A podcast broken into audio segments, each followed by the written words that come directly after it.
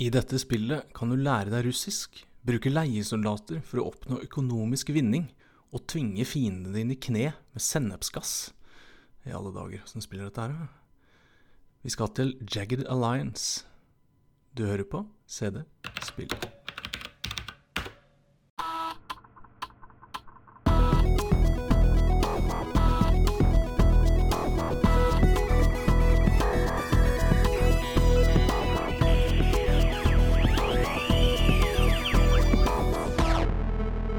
Blir eh, lysere i været og varmere og egentlig ganske sånn dårlig stemning eh, for å spille datamaskin. Men vi lar ikke det stoppe oss. Velkommen til din favorittpodkast eh, om spill fra din favorittperiode på din favorittmaskin. Eh, du hører på CD Spill. Jeg heter Sigve og er verdens mest ubrukelige pro-gamer. Men jeg har veldig mye gode minner fra de gode gamle dager.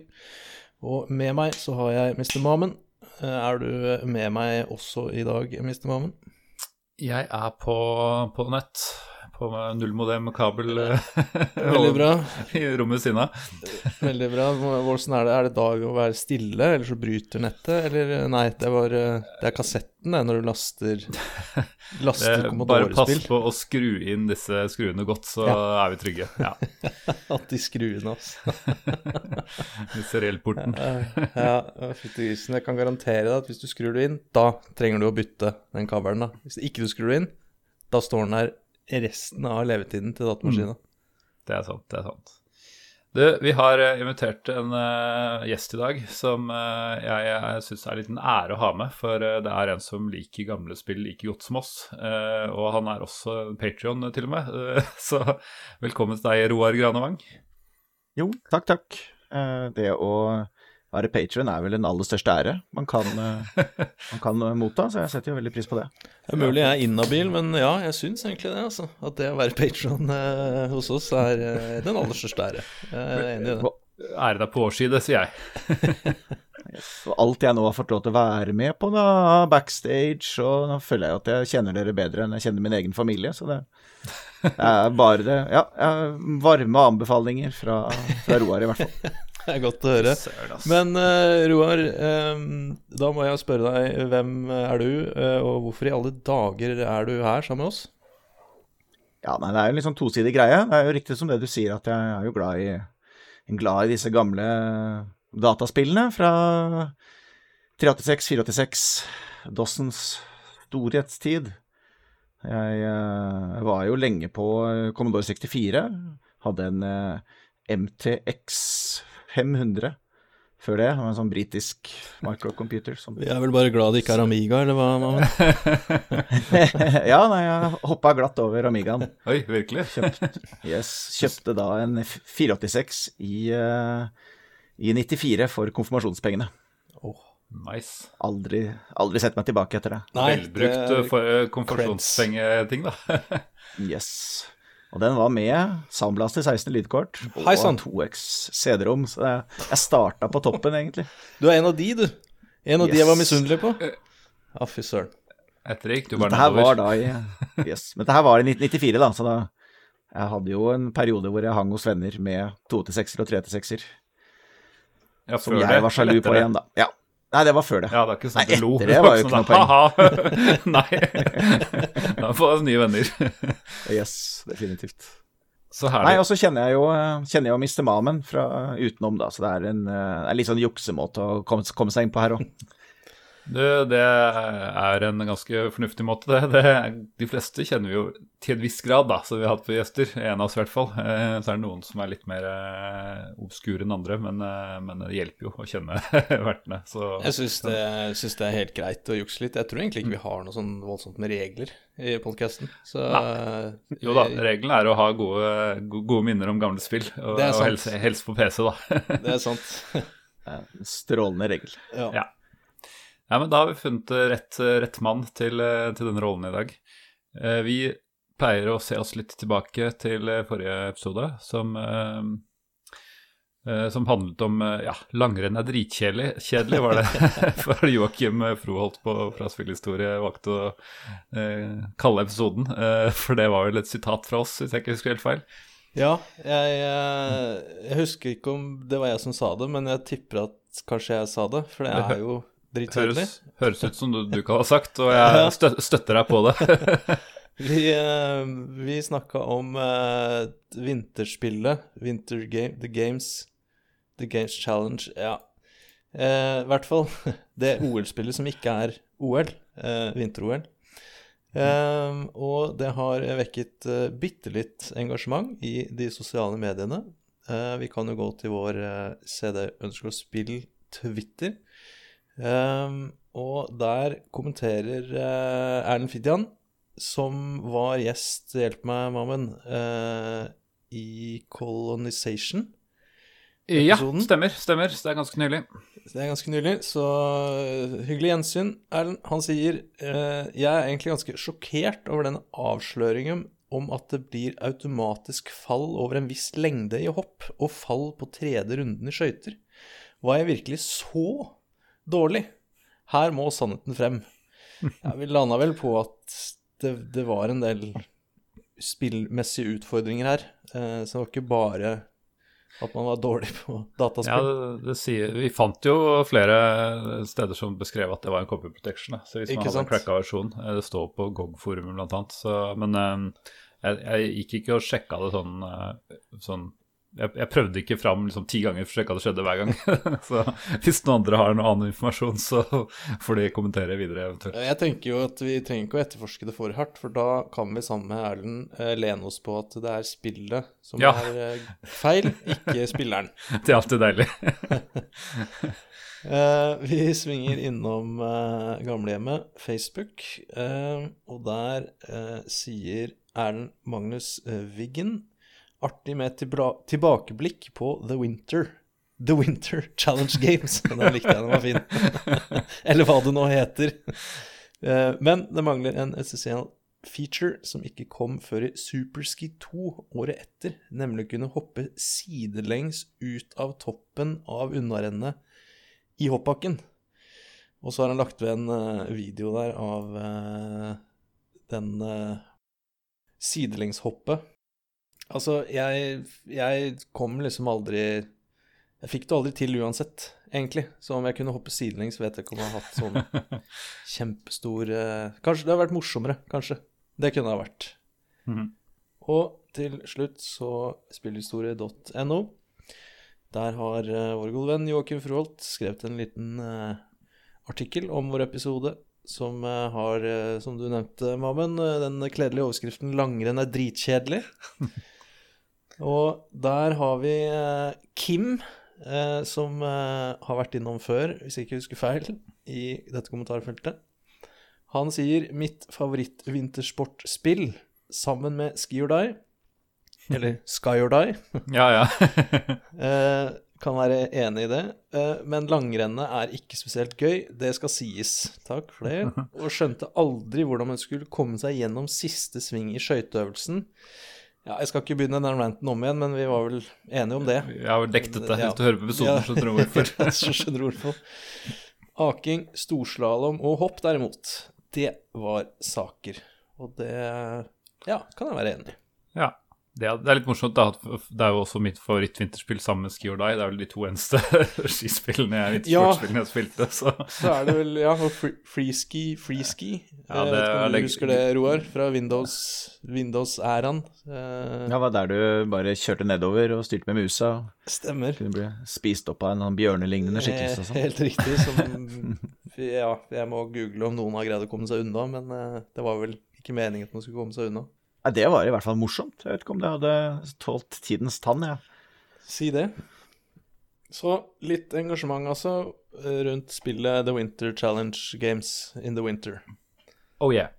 Da har vi landet eh, den, for å si det sånn.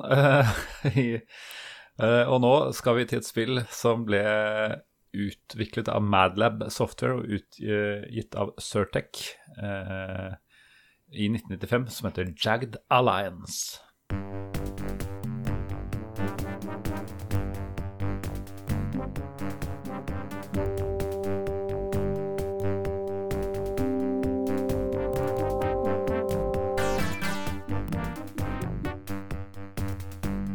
Det er jo kort fortalt et spill hvor du samler en gjeng med leiesoldater for å krige mot uh, slemminger.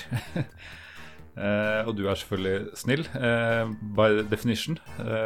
glem at du egentlig spiller som Wagner Group eller et eller annet sånt noe. Det, det er klare mål her. um, og det er jo turbasert strategispill med eller tak, taktiske elementer, selvfølgelig, og også et overordna eh, strategispill hvor du skal ta over en øy og forsvare denne øya, eh, fordi den øyen har eh, Ja, ikke til Spice Melange, men, uh, men noen trær som er veldig verdifulle, av alle ting. det er jo et interessant hvordan, hvordan ble denne øyen sånn at den fikk uh, interessante trær?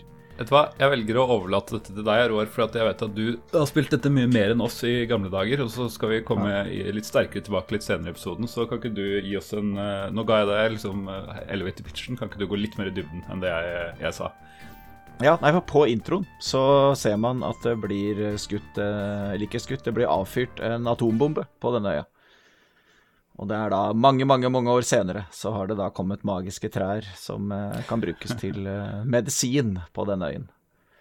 Og der eh, er det jo da to som samarbeider om å, å utnytte da disse, denne medisinen, eller egentlig dette stoffet da i, i, disse trærne, til å lage medisin. Og så, så går det en liten stund, og så sier han ene ja, vet du hva, er det ikke bedre at vi er to stykker på hvert vårt laboratorie? som, eh, som, forsker på det her, og dobbelt så effektivt. Og jo, jo, nei, det hørtes ut som en god idé, men det var der vi da fikk til en skurk, som da setter seg opp i det ene stedet i øya. It was a grave mistake. Within weeks, Santino had his own people on the island. Some of our employees were forcibly prevented from harvesting the fallow sap. Others have turned up dead. Now Santino has us pinned, and nobody can leave the compound. We must have access to the trees. Yes, we must return to business as usual. We need you to contact the same organization you spoke of. You must decide our course of action and see to it that as many trees as possible are harvested until we regain control of this island. Og du eh, naive person blir sittende i andre enden av øya, og så blir du sakte, men sikkert dyttet ned til eh, nederst til høyre ruta, uten noe vei å gå. Og da bestemmer du deg for at da, nå må jeg også få inn noen, eh, noen leiesoldater på min side. Hva, hva husk, Blander jeg med noe annet nå, eller er det ungdomskilden? Eller er det sånn vidundermedisin som løser alle problemer i disse trærne som er på denne øya? Jeg er faktisk litt usikker på hva medisinen er. Det er nok en form for vidundermedisin. Det er jo et Fallow tree, heter disse trærne.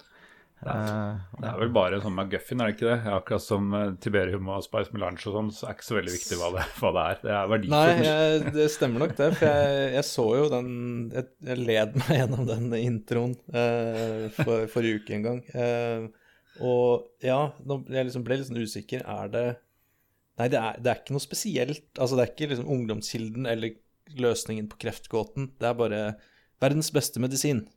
Den, De nevner at det hjelper barn og unge, i hvert fall. Ja, barn og unge, vet du. Litt sympati der. selvfølgelig. selvfølgelig. Somebody think, think of the children.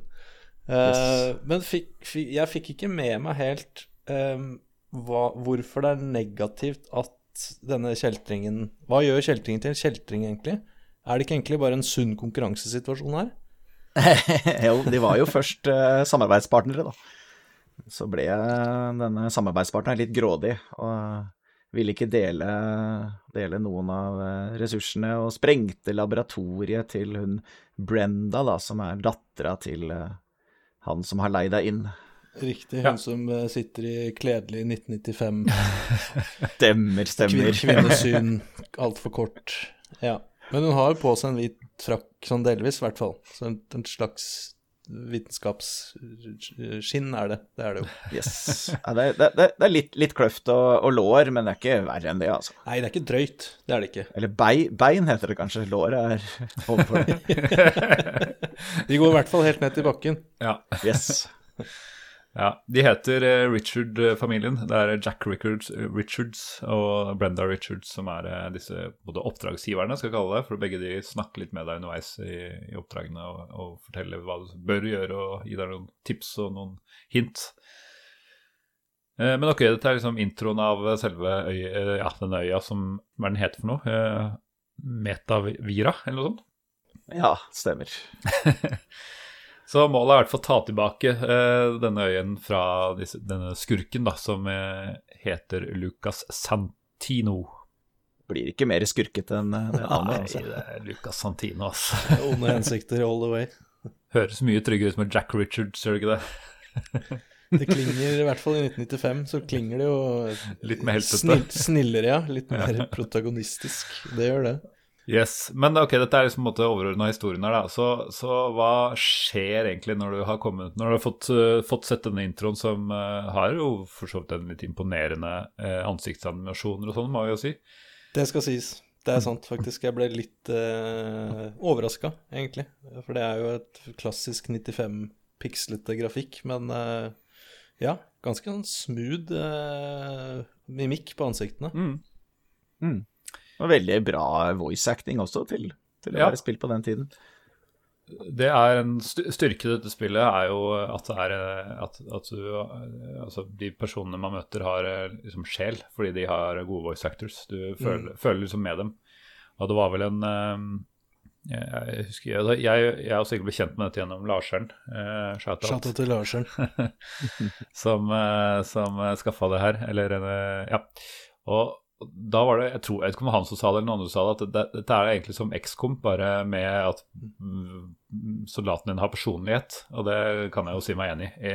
XCOM er jo også et turbasert skytespill eh, mot aliens, riktignok. Og eh, jo da, det er litt surt å miste soldater her òg, men eh, det, er, det, er, et helt annet kaliber her, hvor alle har sine egne personligheter da, og stemmer skuespillere og animasjoner, og de har eh, Altså jeg var venner og fiender og sånne ting, da, for noen går ikke så godt overens med andre som andre gjør, osv. Så, videre. så det er jo veldig kult. Og hvis du sparker folk, eller de dør, så mm. kan det hende at ikke du får ansatt noen andre fordi du har så dårlig rykte på deg. Ja. Så da er det ingen i, i, organisasjonen som har lyst til å komme til øya, og da må du vel sikkert bare starte på nytt, da. Det er ganske imponerende eh, til eh, 1995 å være.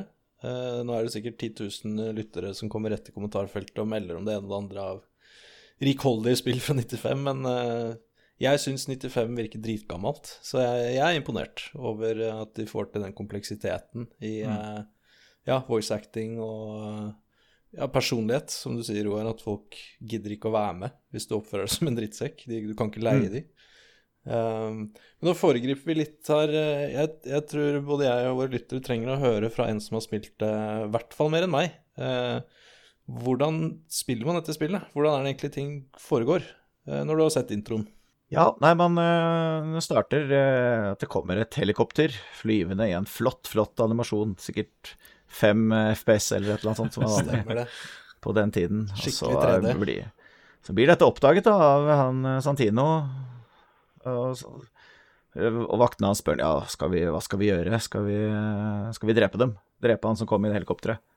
Nei, finn ut hvem det er, og så drepe han. nice. og det er jo da du-personen du som kommer. Og, og, det er ikke noen person som spiller, som er med, med ut på oppdrag. Det er bare den som eh, tar opp kofferten sin og, og eh, velger hvilke soldater han eh, skal leie. Men han har fått en koffert med penger. I have bad news, Dr. Santino. A helicopter has landed in the Richards compound. How many men? One. You are sure of this? Yeah. Should we kill him? No. Find out who he is. Then kill him. Og da har du et ensemble på, jeg vet ikke, 50-60 forskjellige Ja, 60, ja. Mm. Det er ganske imponerende, og de er vilt forskjellige alle sammen.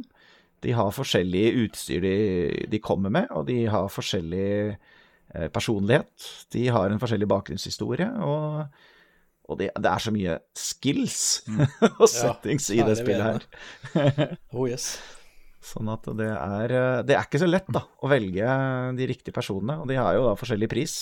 Og mange av de har ikke lyst til å være med deg igjen da heller. Du kan få de med senere, men, eh, men ikke nå, for du er ikke, du er ikke kjent nok. Og så vil du ha da noen som kan skyte, og så vil du ha noen som kan sprenge, og noen som kan eh, dirke opp dører, og noen som kan helbrede. Mm. Litt sånn forskjellig eh, Det er Men eh, et du har litt begrenset rollespillelement. penger. Veldig rollespillelement der, ja. Mm. Og da må du velge, da. Starte med en tre-fire, kanskje.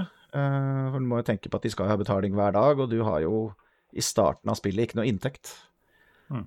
Så du må holde ut da til du klarer å, å få en inntekt. Og den inntekten får du jo da ved å, ved å selv begynne å tappe disse fallow-trærne. Ja. Mm. Jepp. Så det er, det er starten. Og når du har eh, fått tak i en tre-fire folk, så putter du de ut i, eh, i startruten nederst til høyre, og, der, eh, og derfra kan du begynne å utvide, da. Mm. Utvide ditt territorium. Og der kommer jo min største bøyg, min nemesis, i spillmekanikk. Er det det vi sier nå? Me mekanisme. Det er. Mekanisme. Eh, det er jo at eh, dette spillet er eh, turn-based. Eh, Og det syns jeg, med min utålmodighet, er vanskelig. Men heldigvis så kjenner jeg en god venn av meg som driver denne podkasten sammen med meg, som har tålmodigheten. Og så tror jeg også, Roar, at du, du tåler litt turn-based. Eh, ja, til en viss grad. Eh, det er jo eh, eh, Jeg vil jo påstå at jeg hadde nok ikke spilt dette spillet her de 50 timene jeg spilte det nå for eh, tre uker siden, hvis jeg ikke hadde spilt det som tenåring. Mm. For det var mye godfølelse og nostalgi. Mm. Og mye scum save og loading. ja, det, Så, det er lov. It's in the game. Det er lov. Ja, ja, det er eh, helt klart meningen. Så, eh, men eh, du har jo Det er jo ja, av de første i sitt slag. Det er det samme som i XCOM, at må Når det er kamp, så må du styre én og én person. Mm. Ja. Og, eh, men eh, når det ikke er kamp, så kan du styre flere samtidig her. Hvis du Mm. kan de riktige musklikketeknikkene. Som ikke nødvendigvis er så selv, selvsagt, da. Nei, det er veldig sånn her word perfect, som at du har alt kontroll, skift, eh, venstre og høyreklikk samtidig, type, for å få, få ting gjort. Men, eh, men ja, som sier, hvis du bare lærer deg de, leser gjennom manualen, eller ser en sånn quick eh, hva heter det, quick guide på YouTube, så, så kommer du deg gjennom. Ja, for det er, det er ikke bare bare For altså, du har jo sånne ting som at du har jo høyre og venstre hånd, og du kan jo putte en gjenstand i både høyre og venstre hånd, men så la oss si da at jeg tar jo pistolen eh, og putter den i høyre hånd på min eh, soldat, og så har jeg jo med en granat. Jeg putter den i venstre hånd, da, men eh, jeg får ikke kasta den granaten. Da må jeg flytte den over Eh, ja, her begynner det å skinne igjennom hvor, eh, hvor, hvor, hvor lite jeg forsto av det systemet. Hvordan kaster jeg den granaten, kan vi jo begynne med. Nei, men det er som du sier, du må flytte den over i høyre hånd. Ja, Alle, alle Det høyre er høyrehendte. hånd er- Yes. nettopp. Men det koster ingenting å flytte Nei. ting mellom hender. Så lenge det er det samme, så lenge du ikke gir det til noen andre, så koster det ikke noe. ikke sant? For det er jo eh, ja, turn-based, altså våre lyttere kjenner til konseptet, men i korte trekk så koster det jo å gå, og det koster mer hvis det er ulent terreng, har jeg skjønt. Mm. Eh, og så koster det Altså, koster Det koster turn, turn points, eller hva, Ja. hva kaller man det? Ja. Eh, og det koster å skyte, og man kan jo da sikte og øke kostnaden for å da sikte bedre. Eh, Ja, så det er jo hele tiden en avveining, da, eh, Mm. som eh, nevnt ikke passer min utålmodighet, men en avveining hvor langt man kan gå, og hvor hardt eller hvor nøye man skal sikte, osv. Jeg husker du hadde en jo- ting, Sigve, med Jeg tror det var XCOM, da, men som vi spilte, og så, og så forklare det turn-based-konseptet, for jeg tror det var første gang du har vært borti det, og så bare fortalte jeg Nei, du har ikke tid til å gjøre det mer. Bare, jeg har ikke tid, det står en fiende rett foran deg, du har jo selvfølgelig tid til å gjøre det, du kan ikke stoppe opp her. Riktig skuddlinje, ja, du har jo tid, da, hva er det du snakker om? Ta en kaffepause nå, det blir for dumt. ja, det skulle du nærmest hissa deg litt opp, Hadde jeg er Ja, ja. å si at du ga det tid. Du kan jo bare legge pistolen i kragen på fienden og trekke av. Ja, nei, det er turn-based-greiene, ass. Det, nei, jeg skal, ikke, jeg skal ikke la det farge denne episoden. Nei, det håper jeg ikke. Mer enn det. Det er lov å la seg, Ja la seg litt farge av det, altså. Ja. Uh, ja. Jeg syns jo det det er et eh, litt uh, morsom avveining, fordi alle, hvor mye turn på, uh, sånn action points du har, er jo avhengig av eh, statsen på, på din mercenary, eh, og det varierer. Og det er også litt det er jo litt sånn at hvis, du ikke bruker opp alt en gang, så får du overført litt, litt, sånn rollover til neste, neste gang. Og hvis de er skada, har de mindre, og hvis de er eh, slitne, så har de mindre. Og, eh, og du kan også få sånne interrupts, som betyr at du egentlig kan ta resten av hit- nei, turn, de action pointsa under fiendens tur, da, under visse forutsetninger. Eh, Men det går begge veier. så det vil si at Hvis du går foran et vindu, så risikerer du at plutselig du blir beskutt gjennom dette vinduet fordi du det er noen som interrupter der. Så ja. Det er eh, en avveining, det der eh, hvor mye man skal bruke opp av, av action pointsene sine.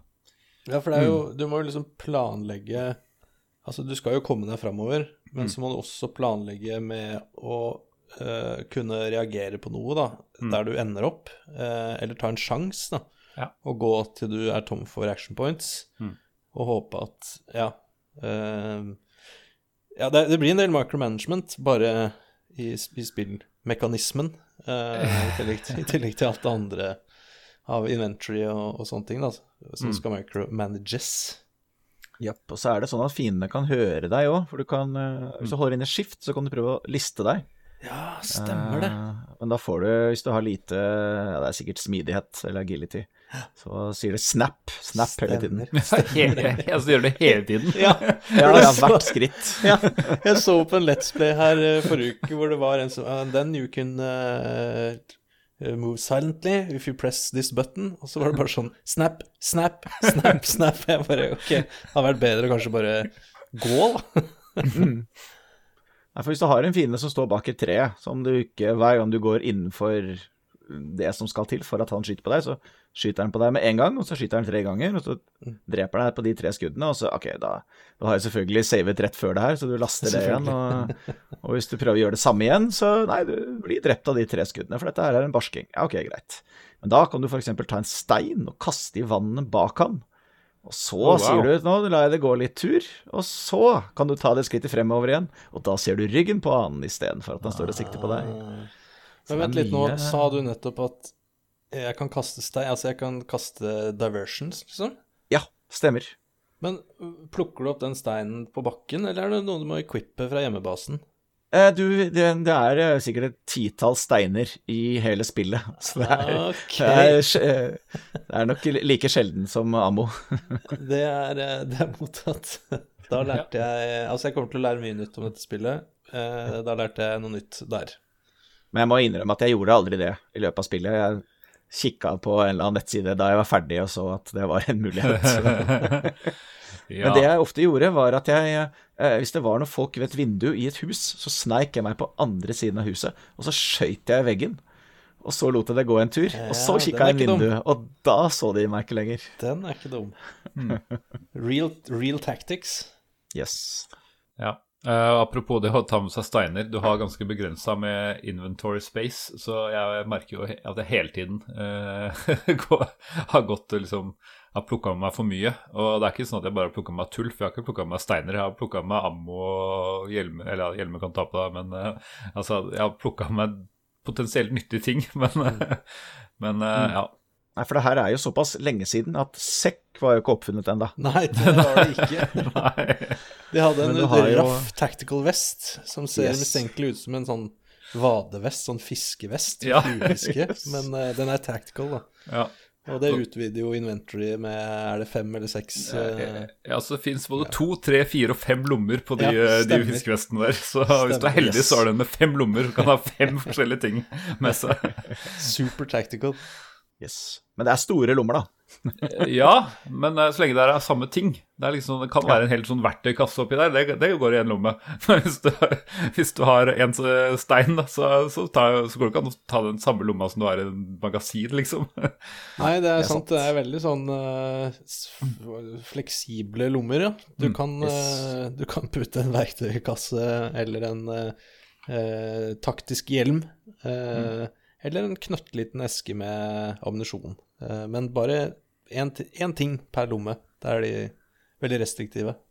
Ja, du kan stacke hvis det er samme type noen ting. Du kan f.eks. ikke ha to Molotov cocktails i en lomme, men du kan ha fire granater. Ja, det er jo Men det virker litt sånn tilfeldig, akkurat det der.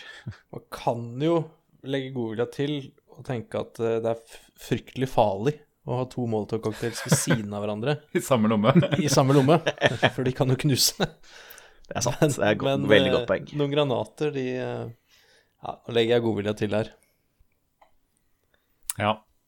Nei, eh, det er spillogikk med inventory, som, men du har begrensa inventory, da, så det er kanskje et rollespillement som jeg som sånn eventyrspillspiller syns er litt mm. urettferdig og veldig vanskelig å forholde seg til. Ja, for du må ha ganske god kunnskap om hva, hvilket lut som dukker opp gjennom spillet. For det er nådeløst. Du kan ikke bare plukke med deg nice to have eh, Ellers på så- av begrensningene på inventory. Men du kjøper med deg noen billige, ubrukelige folk som blir stående i enden av kartet og bare være oppbevarere, eller esler. ja. Ja, Det er en måte å jo få ikke, Men kan de overføre sine gjenstander til ditt nye team, som er eh, noen kartruter til venstre, f.eks.? Eh, nei, de må inntil, men det her er bare noe du putter på de til dagen er over. Ja. Og da Når dagen er over, da får man sjansen til å justere uten å måtte gå inn til hverandre. Ikke sant, da møtes man i basen. Yes.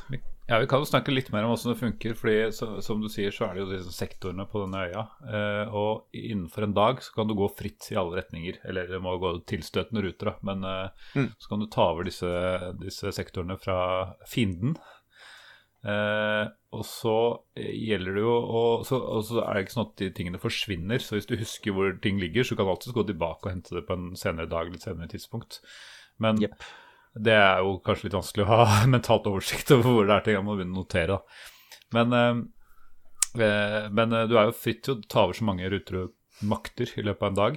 Men sannsynligvis blir soldatene kanskje skada, eller kanskje de dør. Så det blir vanskelig å holde det gående, og du går tom for inventory space. Så på et eller annet tidspunkt så, så kommer natten, enten fordi du velger å trykke inn C, som er compressed time, eller fordi det bare har gått hele dagen og kriga. Og da kommer du på en måte til en slags sånn score screen om hvordan det har gått. Dagen, liksom En oppsummering av dagen. Hvilken sektor du har tatt over, hva som har skjedd. Eh, eh, og, og så vil du se at alle dine mercs kanskje har fått erfaring. Da. Noen som har skutt veldig mye, vil kanskje kunne få en forbedring på sånn, treffsikkerheten. Eh, har det vært noen leger til stede, har de kanskje blitt flinkere til det, og så, og Eh, og da også har du Det er eneste gangen du har mulighet til å uh, både kjøpe inn nye Både Svarke og ansette, og ansette nye mercs, og eh, si at de skal hvile, være doktor, pasient, eh, trene eh, istedenfor å gå ut på oppdrag dagen etter, og da så bytte utstyret de har. Ja, for er det, er det da de healer? Er det i, i senga si gjennom natta? Eh, ja, hvis du De healer bitte, bitte, bitte litt bare i løpet av en natt. Men hvis du skal heale masse, så må du ha én person som eh, forhåpentligvis har litt i medical. Så sier du at du skal være doktor, og når du har gjort det, da kan du få lov til å si til noen andre nå skal du eh, la deg behandle av denne doktoren. Og jo flinkere doktor, jo flere pasienter kan helbrede. Riktig. Så når natten da har gått og en ny dag kommer, så ja, så har, man, så har på en måte doktoren gjort sitt og heala opp, f.eks., og man, man er litt sånn ja, type resatt da, for, for neste dag og neste oppdrag. Eh, ja, nå klarer du ikke å helbrede alt. Hvis du har blitt veldig skadet, så er det ikke alt blitt helbredet til neste dag, sannsynligvis, med mindre det er en veldig god doktor. Ja, riktig. Og du kan godt ta med doktoren ut på oppdrag òg. Det er en helt vanlig mørk. Det er bare at han sannsynligvis ikke er så god til å skyte. Ikke sant? Men, kan han helbrede on mission, eller er det Ja. kun gjennom natta? Det er essensielt at du har to typer Du har sånne åpne sårskader eh, som du må, Ja. eller bør, ta tak i med, med en gang, for ellers så tar de mer skade. Og så har det mer sånn manglende Du kan si at eh, max-healthen eh, går ned da, hvis du har fått noen, eh, fått noen skader som bare er helbreda on, on site, og da trenger de å hvile eller være eh, pasienter på, på nattestid. Skjønner. Skjønner. Og det er også en måte med, med lønn. Altså hvis, du, hvis de er med på oppdrag, så mm, har du jo full lønn. Eh, mens hvis de, hvis de liksom eh, er eh, pasienter eller bare hviler, da, som også er mulig, Jeg står over, så får du, får du betaler du bare halv lønn til dem. Eh, men hvis de trener eller er doktor, som og da altså er hjemme, så betaler du også full, full lønn for dem. Da. Så du vil vel kanskje ha med i hvert fall noen, noen med sånn førstehjelpskrin eh, med på oppdrag for å patche det mest essensielle, og så kanskje en eh, doktor som må, må bli hjemme og ta seg av de, eh, de sårede soldatene som, eh, som tok imot litt for mye bly dagen før. Som brukte opp action pointsene sine litt for nært. ja, nettopp. Og så kan du også få de til å trene hverandre. At én settes opp som trener, Ja. og de andre forteller hva de har lyst til å trene av denne personen. Men dette her gjøres i løpet av dagen, så de gjør dette istedenfor å være med ut på oppdrag. Ja, Og de krever kan- eh, betaling. Riktig, så når du begynner å bli velstående, så kan du ha en slags rotasjon på at du har en gruppe som helbreder og trener hverandre og holder på, og en er på oppdrag, og så kan du liksom rotere litt inn og ut av den gruppa, da. Ja. Det kan også være lurt, fordi du vil, eh, hvis ikke du saveskummer hele tiden, så vil du alltid ha skada mercs eh, som eh, trengs, trengs litt hvile. Jeg har aldri blitt noe god på den trening, treningssaken, og jeg veit at hvis de blir for gode, så krever det mer lønn og sånn, så det er jo alltid en avveining med, med det, da. Ja, Mike er ikke billig, er det ikke det han heter? Nei. Jo, det er vel, kan jo kanskje gå litt innom disse. Mike er den dyreste, i hvert fall eh, mener jeg å huske det. Eh, Jo, stemmer det. 16 er 000 over- eller noe sånt. Ja, han er overprisa. Han er riktignok den beste i spillet med, med sånn treffsikkerhet, men, eh, men han er ikke i, sånn, i forhold til prisen, så er det definitivt dyr, dyrest. eh, eh, Så det finnes spillere og alternativer som er nesten like gode. Og så er det jo, I og med at det er så utrolig mange statistics, da, så kan du godt ta finne en billig person som har masse i marksmanship. Men hvis han ikke har noe særlig agility og dexterity, så har han jo ikke noe action points. Sånn at det kan stå stille og skyte, men ikke så mye mer. da. Ja, Den tabben har jeg gjort en del ganger. At jeg har bare sett på, på Syns det Mark. hørtes kjent ut. Så det er jo liksom noen personer som blir eh, go to-personer på starten, i hvert fall. Ja, har du noen favoritter? Ja, og det, og det var interessante, for når jeg gikk gjennom nå og spilte, så kjente jeg jo igjen disse personene jeg hadde med da jeg var, eh, Ja, ja, ja. var 14-15. Sånn at det, det var morsomt. Og det spesielt er jo da han eh, Ice. Ja. Han var jo strålende, hadde det masse action points. Yes. og han eh, eh, Veldig god til å skyte, og veldig kul type. Yes. Han var jo da også litt selvfølgelig afroamerikaner, men det er ikke nødvendigvis så lett å se, for det var litt sånn pikslete. ja. Det har ikke, det har ikke jeg reflektert over, for å være helt ærlig. Nei, ikke sant? Ja, for han har jo en ganske stilig Ja. afro, men den, den forsvinner liksom ut av bildet. Du ser den nesten ikke. portrettet tar liksom yeah. bare litt over panna, ja. Eh, Han er ikke så spennende sånn bakgrunnshistorie, da. En av, en av mine andre favoritter er jo han Ivan. Ja, fy søren. La oss høre, høre han nå. Der. Krasja, krasja. Der, ja. og det er jo den eh, krasja, krasja, det betyr noe sånn all right, all right. Ja, det betyr, så det betyr det. faktisk noe? Ja, ja, ja. ja. Det er ikke bare sånn eh, jibber-jabba? Du, det er ekte, ekte russisk. Ja, det er ekte. jeg må bare si det. Det som er gøy, er at det står jo uh, subtitles på det folk sier men på Ivan så står det jo kyr- kyrillisk, altså russ, russiske bokstaver, og det syns jeg alltid var så fascinerende å bare se. Jeg skjønte ikke en dritt, men jeg syntes han var dritkul med en gang. Han var god til å skyte, han var liksom relativt billig og sånn god allrounder. Da. Så krasja, Ochi krasja. Yes. Den som står på han, det er a new, member, a new member and an one-time decorated mayor, mayor in the Red Army. Ivan Dolovich has, like his country, switched from killing for Lenin to dying for Lincolns. However, unlike his homeland, Ivan actually appears to be good at it. ok, det var en liten spark til Sovjet der, ja. Yes. Ah, Og det er jo Og det er veldig mange av disse historiene, da, de bakgrunnshistoriene til disse karakterene, som er veldig festlige. De har hatt mye moro og mye, mye grums som ikke nødvendigvis hadde vært lov i dagens spill. Nei, og det som er litt gøy, er jo at uh, hvis du ansetter noen de liker, eller ikke liker, så sier de fra, liksom. At uh, yes, vi er på team, eller nei, jeg nekter å, jeg nekter å jobbe så lenge han eller hun er her. Så det, Det syns jeg er litt gøy, da. At de har fått Ja, det er- dyma- dynamikken der. Morsom greie. Yes, det er morsomt. Og en tredje jeg har veldig lyst til å nevne, er jo Fidel. Ja, la oss høre på hans. OK. What? Sånn høres han ut. han er jo eh, Ja, han var jo litt mer den eh, klassiske Midtøsten-personen da, fra, fra 90-tallet. Han eh, er glad i bomber og granater, eh, og veldig sånn eh, egoistisk. Han er eh, Han har den eh, styrken, eller svakheten, at hvis han først begynner å skyte på noen, Mm. så nekter han å stoppe å skyte på denne personen inntil denne personen eller han selv ligger nede. Ja, fordi at det vanlige taktisk spill her er jo hjemme, gjemme deg når turen din går mot slutten. Altså bøye deg ned bak et tre eller løpe bak et tre eller noe sånt. Men det nekter han hvis, eh, hvis eh, fienden fortsatt er i live. Så går, han, går han ikke ut av sikt, sikte, liksom? Får du ikke gjort noe annet med han? nei. Eh, Nei, Han nei, sier okay, han Nei, nei, han, til- han puster fortsatt, så vi, jeg Men jeg mener, det er jo, eh, det er jo dritkjipt sånn gamingmessig, Mm. men det er jo dritfett. Altså Apropos det med personlighet Mm. og, og variasjon og ja, kall det immersion. Mm. At eh, nei, sånn er han. Da må du, Yes. Det må du bare leve med. Han var den personen som nesten døde flest ganger hos meg, for det var mange ganger eh, hvor jeg bare måtte vente til han falt ned og håpte at han ikke døde, for det står der foran fem-seks fiender. Ja, går det som det må gå da. ja. Vi må jo eh, innom Unusually Ruthless Ruben, uh, syns jeg. Uh, jeg vet Ja. ikke om, han, om du har brukt han, uh, men Nei, han har jeg ikke brukt. Det er bare uh, litt sånn komisk. eh, det slo meg da jeg leste biografien hans eh, nå, så ble jeg nesten litt eh, forferdet. Men jeg tenkte aldri over det eh, da jeg leste biografien hans eh, ja, da jeg var kid, liksom. Og jeg kunne jo engelsk og forsto jo. Hmm. Eh, men eh, eh, Unusually Ruthless Ruben is best described by his nickname.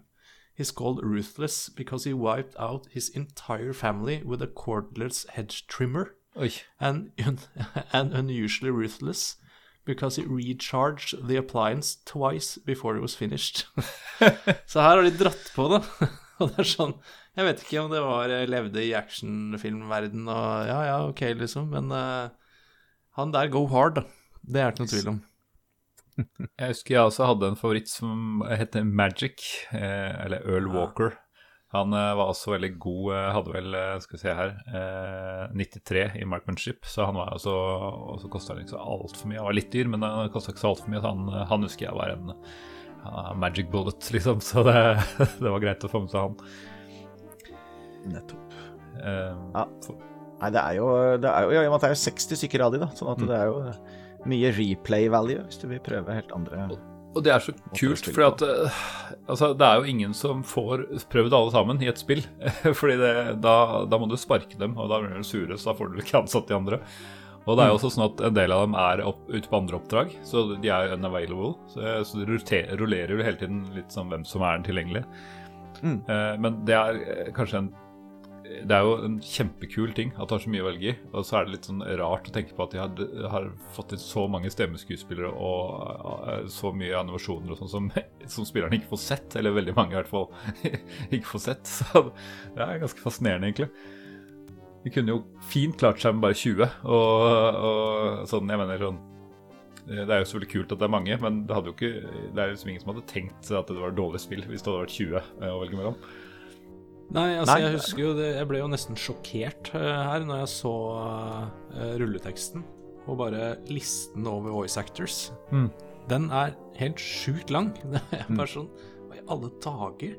Og så huska jeg liksom ikke helt sånn Ja, hvorfor det, egentlig? Og så begynte jeg å spille, og så Ja, det var sånn det var. Her er det ikke tre kompiser da på uh, dormroomet som har la, prøvd med forskjellige stemmer. Det er Nei, ja. Nesten Så jeg tror det er nesten én voice actor per uh, mercenary her. Nesten. høye, Og det er ganske høyere, imponerende. Ja. høyere budsjett enn Destroy. ja. Tro det eller ei. Overgår Destroy så vidt det er.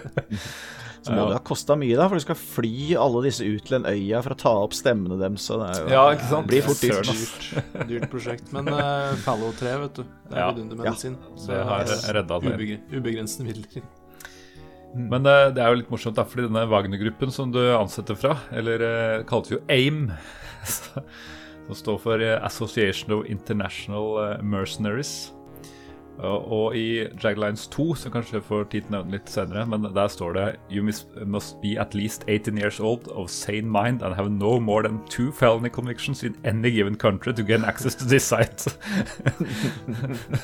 Så ja, jeg liker den der litt parodiske, men eh, eh, ja, alvorlige tematikken her. Enig i det.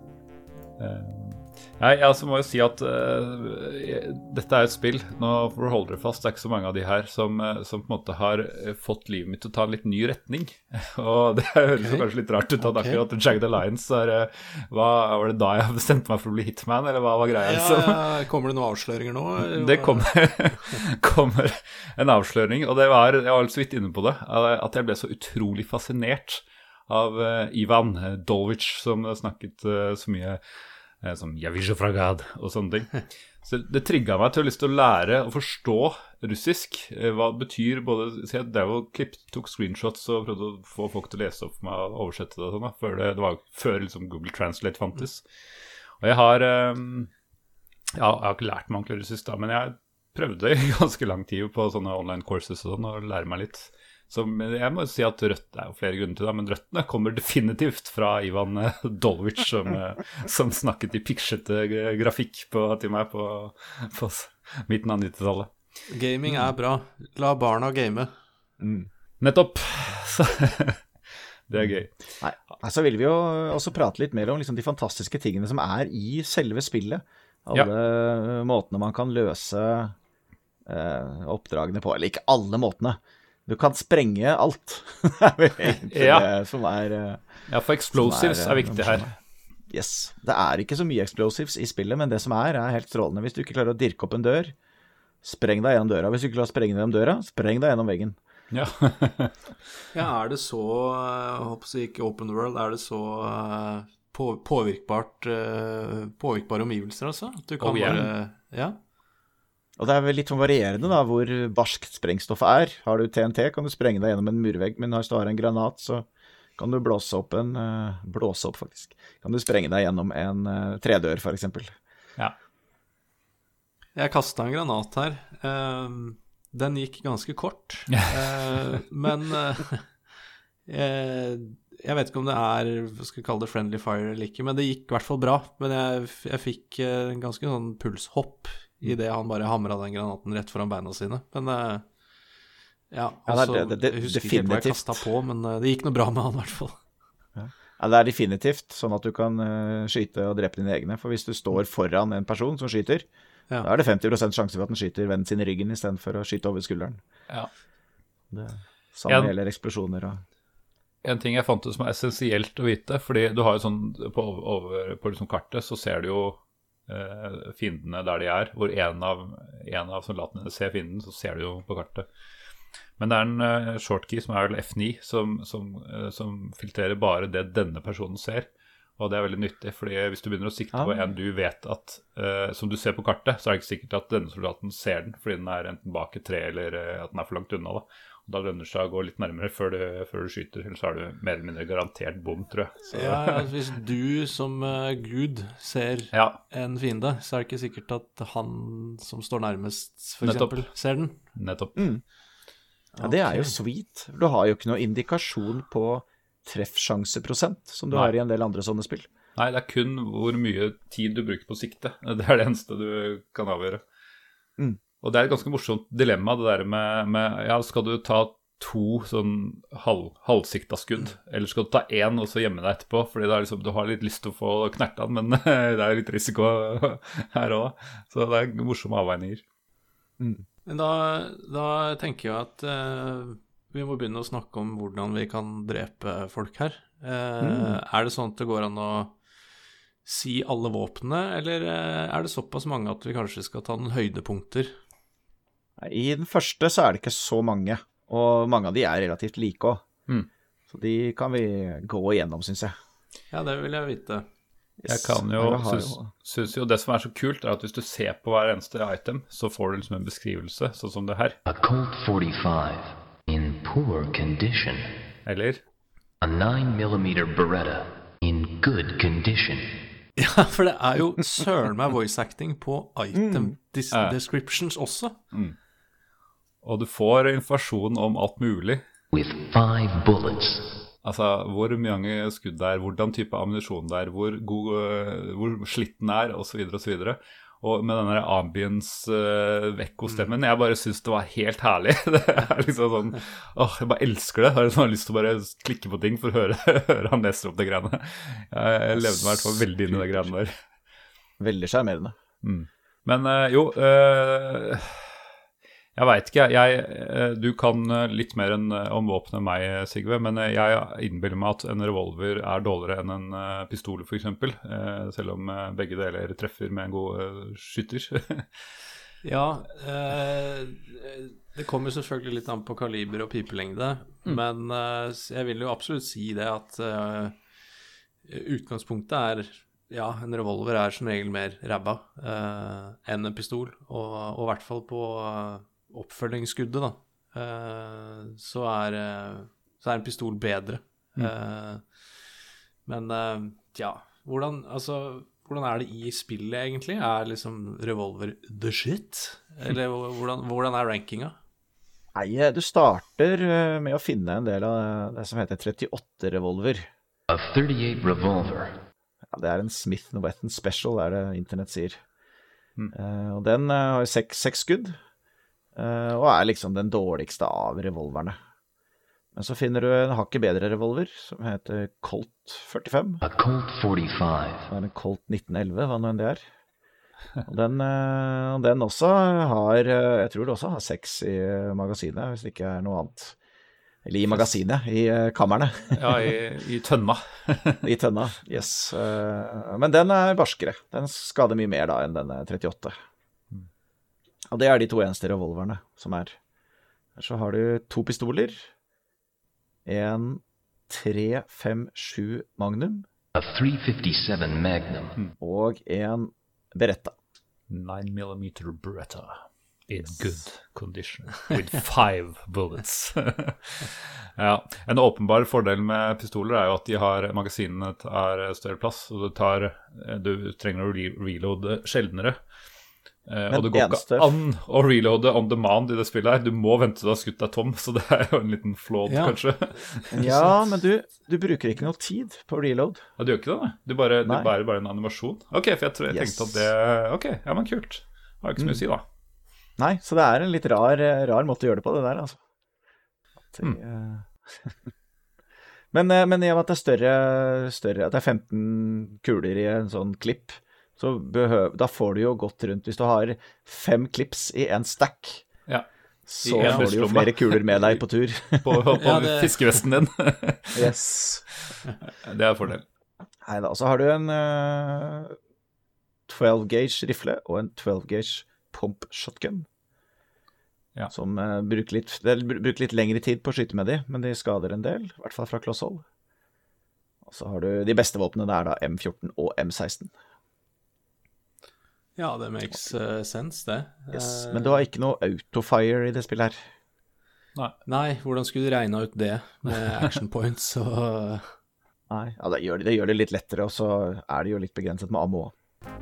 Ja, så er det jo realistisk. Eh, Det er jo Skal du treffe noe, så må du skyte ett skudd av gangen. Eh, så jeg tenker jo det Vi, vi kan tilskrive det litt realisme, altså.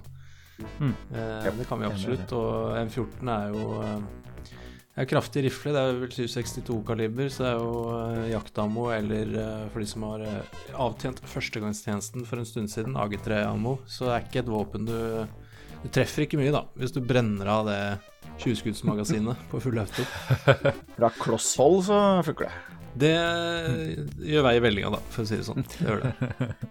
Ja, så kan du putte på silencer eller sniperscope på noen våpen. Og den silenceren, silencer den, eller er det, er det staten den gir, liksom? At du ikke vekker oppsikt? Stemmer. Og det er veldig nyttig, for det er en del oppdrag hvor du må liste deg frem til et sted, og hvis de oppdager deg, så sprenger de en bro eller et eller annet. Ja.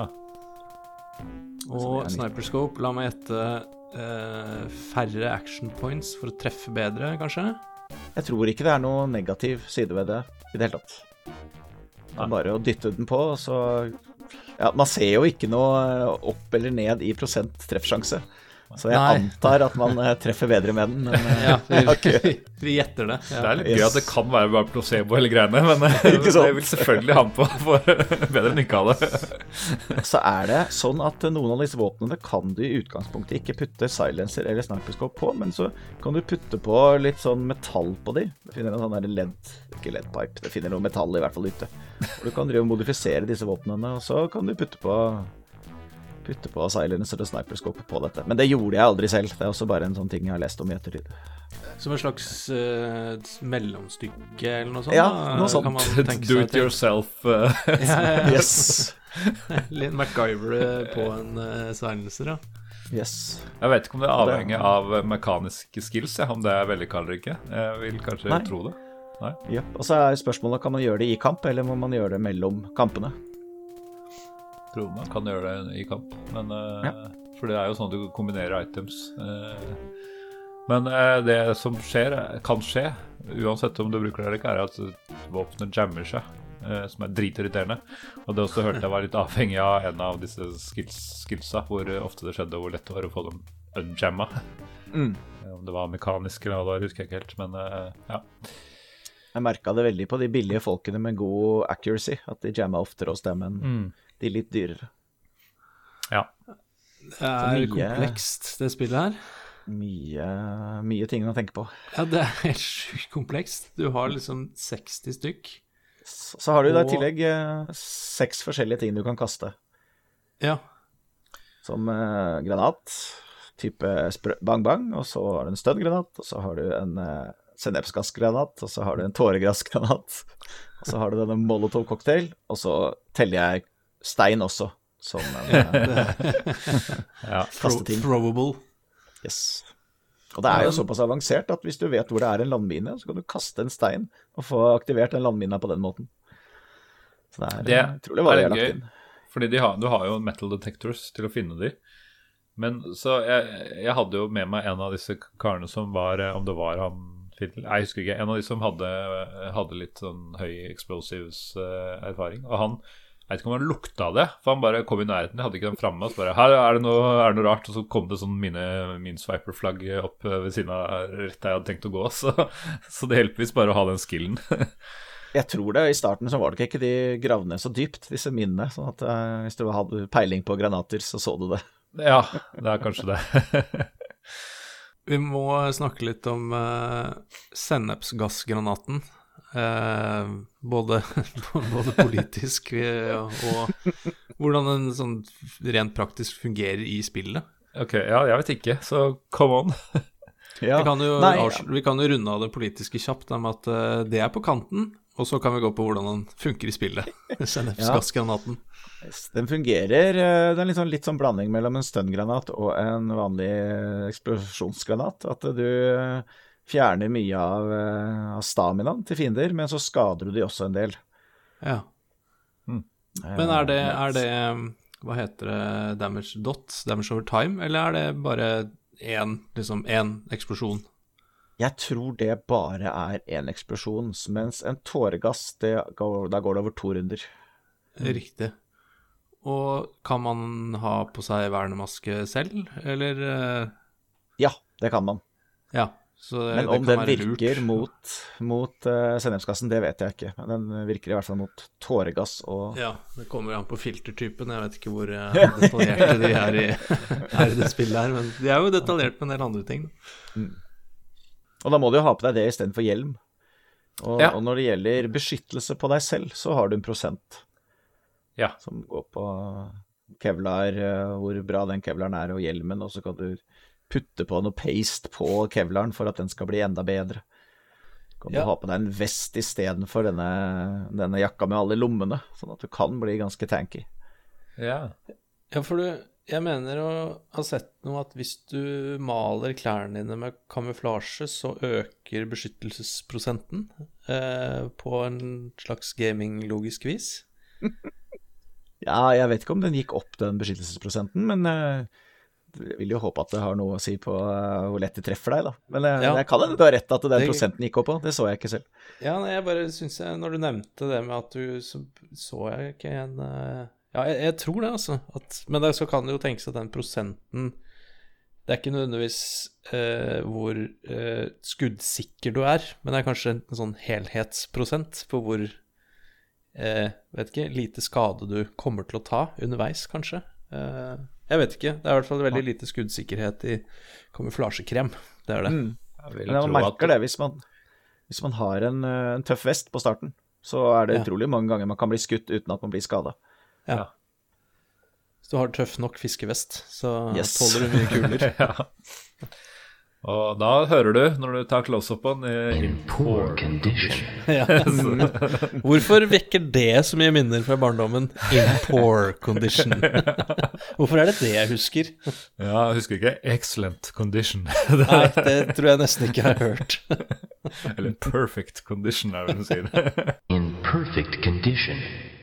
Nei, altså er det jo eh, tilbake til litt rollespillgreie nå. Kommer kommer til en dør, så har du en fyr som er flink til å dirke opp, så klarer han ikke å dirke opp den døra.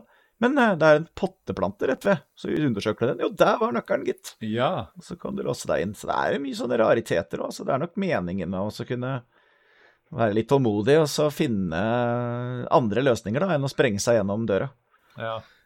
Ja, for du har jo det håndsymbolet, eh, fant jeg ut. For det, hvis du Altså hvis du hovrer over en fiende, så kan du jo velge sikte, og hvis du hovrer andre steder, så kan du velge gå. Og ellers så er jo liksom utspekeren ofte et kryss når du hovrer over ting, men hvis du høyreklikker da, så blir det en hånd. Og så går du og sjekker eh, skuffen eller dassen eller busken eller Mm. Ting kan åpnes og sånn. Men i Nettopp. Jagged Lions eh, 1, det er ikke noe Det er ikke noe Altså, eh, det er ikke noe butikk, er det det? Du som har spilt Nei, det er det ikke. Nei, Så alt er det du finner på rundt omkring på, i sektorene på kartet? Er det du får tak i Ja. nytt? Og det Mercs tar Og- med seg, da, når du ansetter Ja, stemmer. stemmer. Ja, for det er jo kanskje et lite minus, da, som de har fiksa litt i, i etterfølgende. Men eh, ja. Men eh, det ligger jo De fleste liksom sektorene har et par kasser med ting, eller noen eh, skuffer med ting eh, mer eller mindre brukbare, og ofte når du dreper noen fiender, så legger du som igjen noe, noe stoff du kan plukke opp. Så gjelder det å få opp disse kassene, da. For da må du være sterk. eh, For å Ja. åpne en sånn kasse, så må du være sterk, og du må være, ikke være sliten, og du må kanskje ha et brekkjern. Da kanskje du klarer å få det opp. Har du åpna et par kasser, så er du såpass sliten at da må du hvile. Kanskje drikke litt vann før du kan eh, åpne flere kasser. Det er klart du må ha seg en slurk vann. Jeg har åpna kasser hele dag, jeg er helt utslitt. Men uh, gi meg et glass vann, så skal jeg åpne en kasse til, jeg. Men er ikke, er ikke det eh, Jeg husker så vagt at det var en Kanskje voldsomt å kalle det exploit, men uh, cheese litt. At du kan Du har ikke butikk, men du kan jo leie drittfolk bare for at de har et eller annet bra item, eller halvbra item. Eh, og det er jo litt, litt butikk. Eh, Så leier du folk, tar ting av dem, så, så takk for hjelpa, ha det bra. Ja, nei, Så lenge ikke de andre blir sirret sinte for det. Men du må betale for skyssen til øya. Ja, Så bare passe på å leie en tre-fire samtidig, for du betaler samme skyss uansett hvor mange du leier. Det, det er Må- engangspris, ja, per, per tur. Jeg vet ikke om du betaler når du betaler hjemturen òg, ja? Når fra Nei. Nei. Det må svømme. svømme. Da svømmer de selv, da. Ja, fordi, fordi jeg var jo så uheldig å mista en av mine litt irriterende Merc som ikke gjorde så mye. Og da fikk jeg spørsmål om jeg ville betale for eh, å transportere kista hans eller ikke. Ah, Så jeg, jeg valgte å si ja, jeg, for jeg tenkte at det får vel dårlig reputation hvis jeg sier nei så, såpass tidlig i spillet. ja, det vil jeg anta. Det er en morsom eh, detalj. da. Jeg syns jeg leste det på uh, det internett, at uh, det kan absolutt påvirke hva uh, fremtidige ansettelser tenker om deg. Ja. Hvis du bare dumper folk i sjøen, eller, eller om du faktisk gir dem en halv, halvveis verdig reise hjem i kiste. Mm. Ja, Vi har snakka mye om det, jeg er jo ikke ferdig, men jeg tenkte vi skulle nevne litt om de, eh, den spin-offen som kom, eh, som heter Jagged Alliance Deadly Games. Bare for oss som, eh, som Det var der det begynte for meg og Sigurd, tror jeg. Det Eh, stemmer. Ja, og, og det er en spin-off half-shash-sequel, jeg vet ikke helt hva jeg skal kalle det, hvor du har tatt bort det derre kart, eh, kart liksom overall map og sektor og, og overta konseptet, og bare ha lineære oppdrag, eller sånn relativt lineære oppdrag. Um, men de har så, Sånn sett så fungerer det bare den taktiske biten av det, kan du si. Eller den ja, action turn-based delen av det. Um, men de har også gjort litt Altså de har ti nye mercs, tror jeg der. Og så har de også en sånn Mickey O'Brien som, som kan selge, eller prøve å skremme til Kan kjøpe og selge utstyr til deg mellom rundene. Og du har uh, Gus Tar Tarballs som skal gi deg oppdrag som er oppdragsgiveren din. um, og uh, for å liksom Jeg vet ikke om det er for å gjøre det for lett, jeg, men, uh, men altså, du har jo en tid på dag. altså, tid på dagen er jo liksom et viktig konsept i, i eneren. Og her har du et begrensa antall runder. Altså Du må klare et oppdrag på sju turns, mm. som på en måte kompenserer for det. da Som er litt sånn stressende noen ganger, da, fordi det er litt Det hender det blir litt tight. Um, men til gjengjeld så er det litt mer variasjon i oppdragene, for det er ikke bare assassinate all enemies. Det er også sånn eh, uh, angrip eh, Eller så assassinate en person, redd en person, sånn hostage-ting. Det er uh, Jeg tror det er noe eskorteoppdrag, ja, eskorteoppdrag, kanskje. Uh, Uff, meg. Eskortering heter det kanskje. Ja, det, det er litt, liten, liten forskjell bokstavmessig. Stor forskjell. Ja, Ja. Det er jo alltid mareritt i alle spill, det der med å skulle eskortere noen. ja.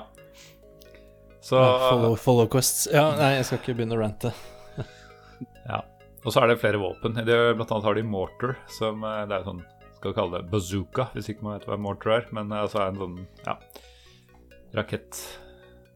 rakettkaster. Ja, er det, er det bombekaster? Ja, bombekaster, er det, ja.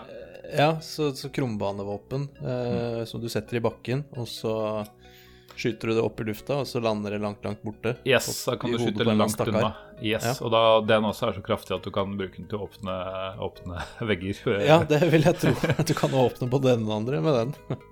Og der hadde du også en sånn scenario-editor som gjorde at du kunne lage dine egne oppdrag. Eh, og da syns jeg det var det kuleste scenarioet, at jeg skulle uh, liksom rane en bank. eh, at jeg lagde liksom en masse penger, for, og så bare masse mortars i starten. Og så bare kunne sprenge opp disse dørene, nei, ikke bare dørene, men veggene. Og bare hente mest mulig cash. Så det skal være et oppdrag jeg lagde selv, som jeg syntes var kjempegøy. Å, Kanskje å derfor jeg har noen vage minner av det råeste utstyret. Fordi Mm. jeg drev og lagde egne brett. Ja. Det er det, vet du. For jeg også, når du nevner det nå, så tenker jeg Husker jeg sånn at jeg malte penger utover hele kartet, og så, og så spilte jeg det etterpå, og da det, det forklarer jo For jeg kom jo aldri Det er kanskje en kjempestor overraskelse for våre lyttere, men jeg kom aldri veldig langt i dette spillet her. What?! Nei. Eh, men eh, der har vi det. Level-editoren, selvfølgelig. Og bare smøre penger utover hele brettet. Da får man, eh, får man kjøpt seg litt utstyr og prøvd litt forskjellig. Ja. Du veit det, Sigve, at det er bedre å ha spilt og tapt enn eh, aldri å ha spilt. Det er helt riktig. Det, det Hør, hør. Ja, nei, men det er jo fint med disse oppdragene, for det er jo det, er det som er med den første. Jeg, håper hopp- jeg stjal meg tilbake igjen dit jeg Ja, ja, men det det er jo eh, du, du har jo oppdrag underveis. Mm. Du får eh, beskjed om at nå er det Vi får ikke produsert den her medisinen, for eh, noen har sabotert eh, Sabotert eh, det laben da, som du bruker til Mm. å, å lage medisinen. Eller at eh, vann er blitt forgiftet, eller at eh, gravstein til innfødte som har blitt stjålet. Hvis du ikke får den tilbake igjen, da, så, så vil ikke de jobbe lenger. da. Ikke like effektivt, i hvert fall. Og, og hun Brenda, hun blir jo kidnappet òg. Og da er det litt sånn detektiv. For det, her finner du en bluse som er blodig, og der finner du en blodig bh. Og så må man liksom eh, sakte, men sikkert prøve å finne ut. Da. Så har hun eh, skrevet med leppestift på noe ark da, som hun har gjemt inn i veggen. Og forteller liksom at ja, de kommer til å ta meg til en eller annen øy. Så veit ikke nødvendigvis hvilken øy, men det er jo ikke så mange øyer på dette kartet. Altså. så. Men må du gå full Wolfenstein 3D og så ta med hånda på alle veggene da, for å finne de papirene? Eh, det er et uh, godt spørsmål. Jeg, jeg veit ikke, jeg fant aldri disse papirene. jeg bare vet Det tror ikke jeg, jeg- hadde funnet heller. Nei. Jeg fant noen, uh, noen blodige Jeg fant den blodige blusa og den blodige bh-en, og så Og så begynte han å mase så fælt. For hvert oppdrag, nei, når hver dag var slutt, så sa han at nå, nå må du forte deg å finne igjen dattera mi, for nå begynner det å haste. Og da eh, Ja, jeg må vel innrømme at jeg kikket litt på herr Internett hvor hun var. Ja, ja. greit for et tips.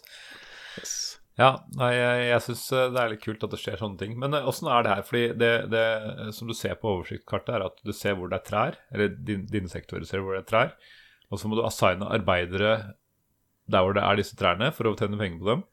Yes. Og så De koster de- penger å ansette. Så Ja, men eh, mindre enn de tjener inn, da. ja det ellers hadde det ikke vært noe vits. Det går heldigvis i pluss, ja. men, men, men du bør ha liksom da- like mange mennesker som det er trær der, type? Eh, nei, eh, fordi hvis det er i nærheten av Finnes territorium, så får du bare Da er det ikke så mange som vil jobbe der. Så da kan du f.eks. bare få brukt halvparten av de Ja, trærne. riktig. Da må du liksom gjøre det litt tryggere, da. Og så har du jo vakter som du kan leie inn og sette ut. Ja. Fordi eh, de tar over steder fra deg, samtidig som du tar over steder fra dem. Ja, for da blir det jo du- avansert. Yes. Så hvis du ikke har noen vakter, og heller ikke Hvis du har tatt over et sted, så kan du da flytte vaktene som var i det forrige stedet, inn i dette stedet du er nå. For de tar aldri over steder som ikke er side ved side av et sted de har. Ja, Så riktig. du- Så det er eh, en uh, game logic der du kan Yes. uh, hvile, hvile deg litt på. Men de vaktene, er det en uh, begrenset ressurs, eller er det, er det Setter du ut det fortløpende, eller hvordan fungerer det egentlig? Eh, de koster penger, og du kan makse åtte Ja. vakter i en, et sånt punkt. Så der Ja. er det jo også en sånn kost-nytte, da, at hvis du antar at det ikke blir angrepet, eller det er ikke så farlig, så kan du ha litt færre vakter her. Men, Men når eh, du da blir angrepet, hvilket jeg garantert hadde blitt, er, spiller du da eh, angrepet, eller er det bare en sånn der RNG-utregning? At du har så Eh, mange det- vakter og Hvis du tilfeldigvis er der de angriper, så blir det Ja. vanlig turn-based modus, hvor vaktene Riktig. har sin tur, og fienden har sin tur, og du har din, din tur. Mm. Men hvis du ikke er der, så er det en sånn RNG-greie, ja. Riktig. Riktig. Er det instant resolve? At liksom nå angrep de, og nå tapte de Levanti? Eller er det sånn, Eh, du kan ikke liksom komme er- underveis og så liksom Eh, hjelpe dem nei, du mens kan, nei. kampen Nei. Du kan ikke komme inn underveis. Nei, okay. Men du kan eh, Men det er jo Det er ikke instant heller, fordi det, det er én og én på hver sin side som mister folk. Og du kan også miste sånne harvestere. Ja, selvfølgelig. De, tar, Alle- de er jo slemme, de her. De tar jo Yes. de uskyldige òg. Ja. Yep, yep. Men kan trærne gå i stykker sånn permanent, sånn at du liksom den, Det er ikke inntjening der lenger? Eh, ikke ved angrep, men etter hvert så dukker det opp en, eh, en sånn sykdom.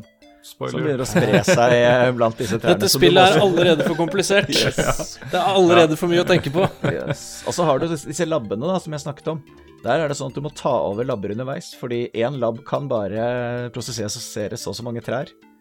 Ja. Og eh, hvis du prøver å ta over en labb fra fienden, og han ser deg, så sprenger han labben sin, sånn at du må reparere den labben da før du kan begynne å bruke den. Ja. Så her igjen da, så er det snikemodus og silencervåpen som hjelper deg en del. Ok, så fienden kjører brent jord-taktikk? Yes, de Hvis gjør det. de ser deg, da, eller oppdager deg? Yes. Så jeg hadde en periode hvor jeg da hadde litt flere mercs enn jeg egentlig kunne betale for, og så antok jeg at jeg klarte å tjene det inn, og så viste det at nei, det kunne jeg ikke, fordi de sprengte den. Så jeg fikk ikke, noe, fikk ikke brukt de nye trærne mine, og da måtte jeg ta alle bortsett fra to mercs og sette på, sette på sånn resting, så jeg ikke betalte Ja. så mye i, i Det ble full permittering Ja, ja, ja, og hele nesten. arbeidsstokken. Yes. Det var nesten så jeg måtte starte helt på nytt der, altså, men jeg hadde, hadde nok scum saves nedover for å, Ja, å holde ut. Yes. Nei, og, dette er eh, altfor komplisert. og, og, og litt spoilers eh, når du kommer da til siste, siste ruta, som er da øverst til venstre, i og med at du starter nederst til høyre. Så skal du da finne han eh, Santino, skurken. Og det er jo, jeg vet ikke hvor mange fiender det er, 40 40 fiender sikkert. Det er så mye fiender at det er helt Nei, absurd. kjære Ja. Yes, yes. Men så fort du da klarer å komme deg inn til han siste skurken, og han ser deg, da er det også brent jord, for da sprenger han seg selv og hele basen. Så da må du bare Oi. løpe ut så fort du kan med de sårede personene dine. Så det Ja, er, ok. eh, Ja, for, der ranta jeg, da. For eh, Ok, ja. Nei, det er litt avansert, da. Ja, fordi Det er veldig avansert. du, du har maks åtte personer eh, på, i Draglines 1, eh, og for så Ja. vidt i Deadly Games. Eh, Men de kan jo være ute på trening eller doktor, så, så hvis du skal ta de 40, så bør du vel ha 100% alle åtte klare til kamp. Yes. Nei, det er Ja, nok for lurt å ha du kun, kun ha åtte totalt, ja. Så hvis du skal drive en rotasjonsordning, så Ja, du har ikke mange å spille på. Da kan du ha et par-tre bakhånd, liksom, og så har Men- du syv. Men du har ganske god tid når du kommer dit. I hvert fall hadde jeg det. Sånn at jeg kunne sperre han inne, og du kunne bruke en dag eller to på å helbrede meg opp Ja. og kanskje hente Ja. nye folk. Nå gjorde jeg jo ikke det, men eh, jeg kunne gjort det. Ja.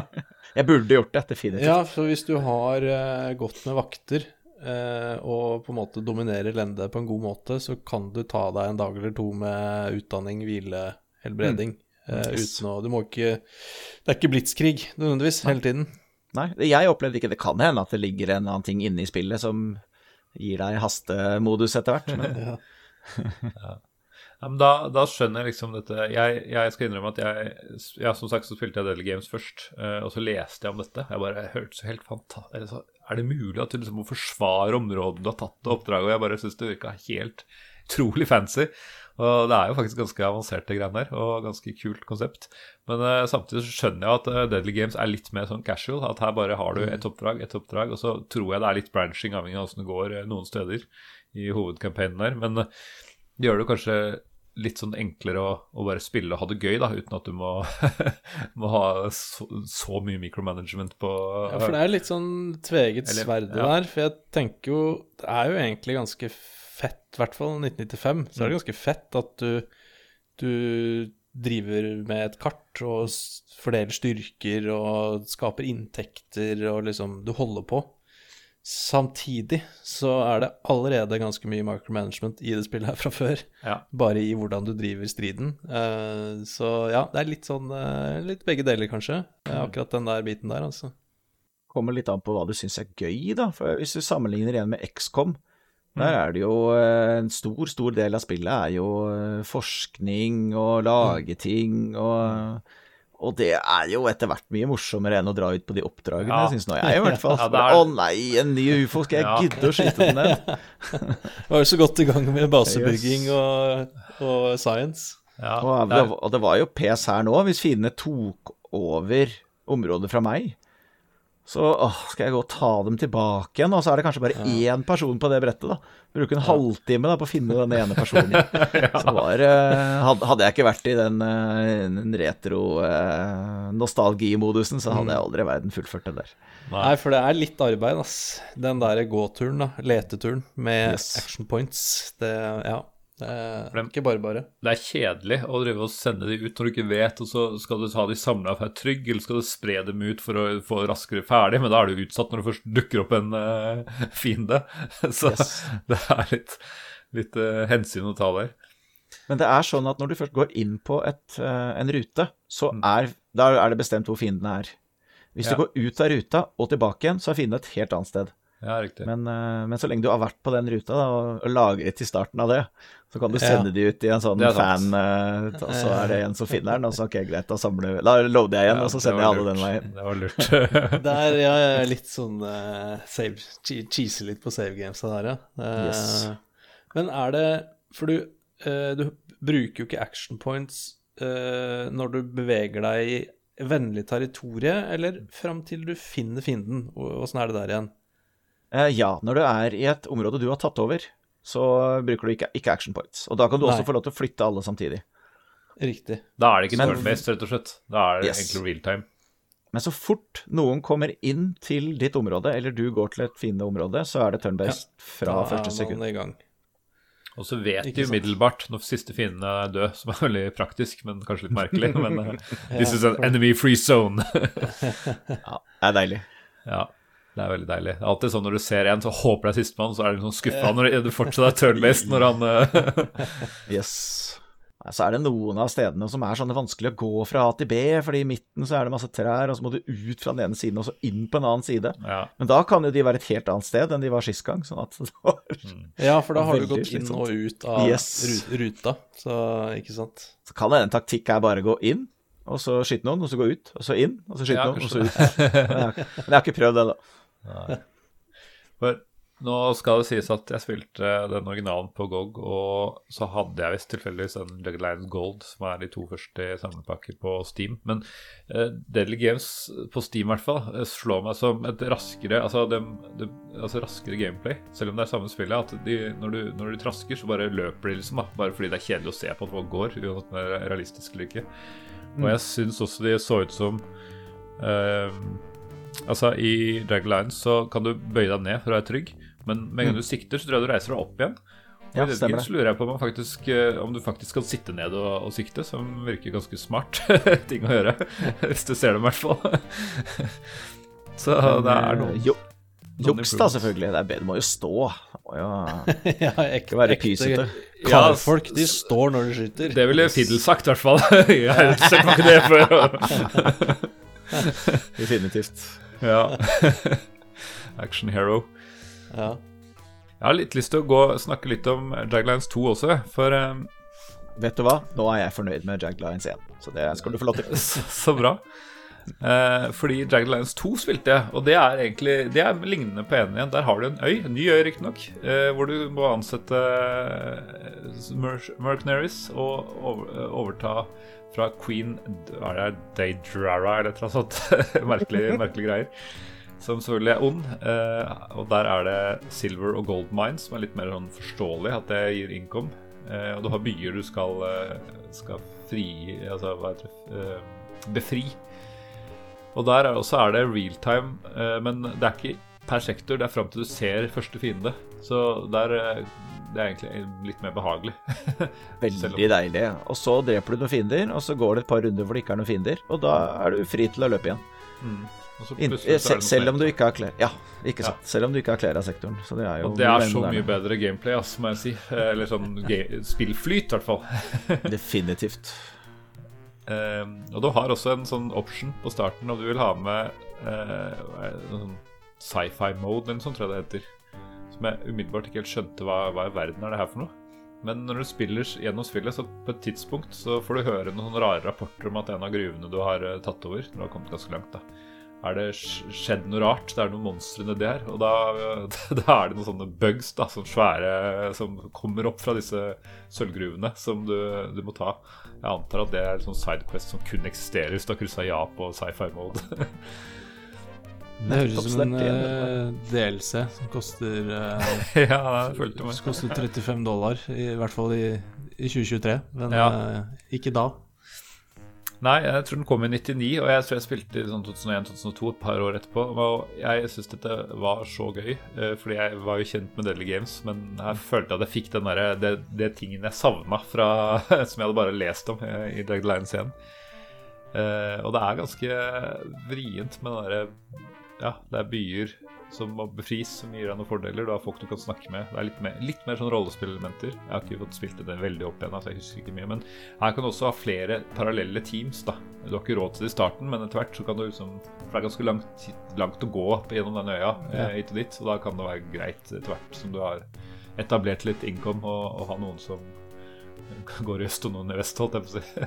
Jeg husker jeg eh, fikk tak i Jagged Lions 2 for eh, lenge siden. Eh, men jeg husker også at allerede da så var det nok mest nostalgien for min del. Ja. og barne, barneskoleminnene fra Deadly Games, da.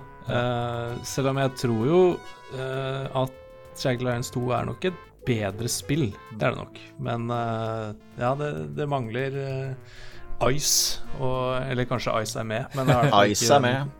Han er med, ja. Det er ikke den uh, Men Nei, det, For meg er dette nostalgi, så det er liksom Det er Deadly Games og, Det- og Jagged Lines som gjelder. det verste med det er jo at Ivan er med. Men han har begynt å snakke brokkent engelsk istedenfor russisk, Yes. så da er det ikke noe, det ikke noe gøy. Da er det stryk fra lista med en gang.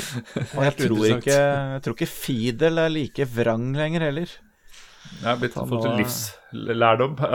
Yes. Jeg trekker jeg påstanden min. Det er ikke et bedre spill. Jagged Lions 2. Men en veldig morsom ting i eh, Jagged Lines 2 er jo denne her eh, IMP. ja, for det er ikke en sånn konkurrent til AIM, eller noe sånt? Eller er det Eh, sånn nei. IMP, Nei. det er den, eh, den gjør du når du starter spillet første gangen. The Institute for Mercenary Profiling. Ja, stemmer det. og det er måten du lager din karakter, som nå får lov til å være med ut, på oppdrag.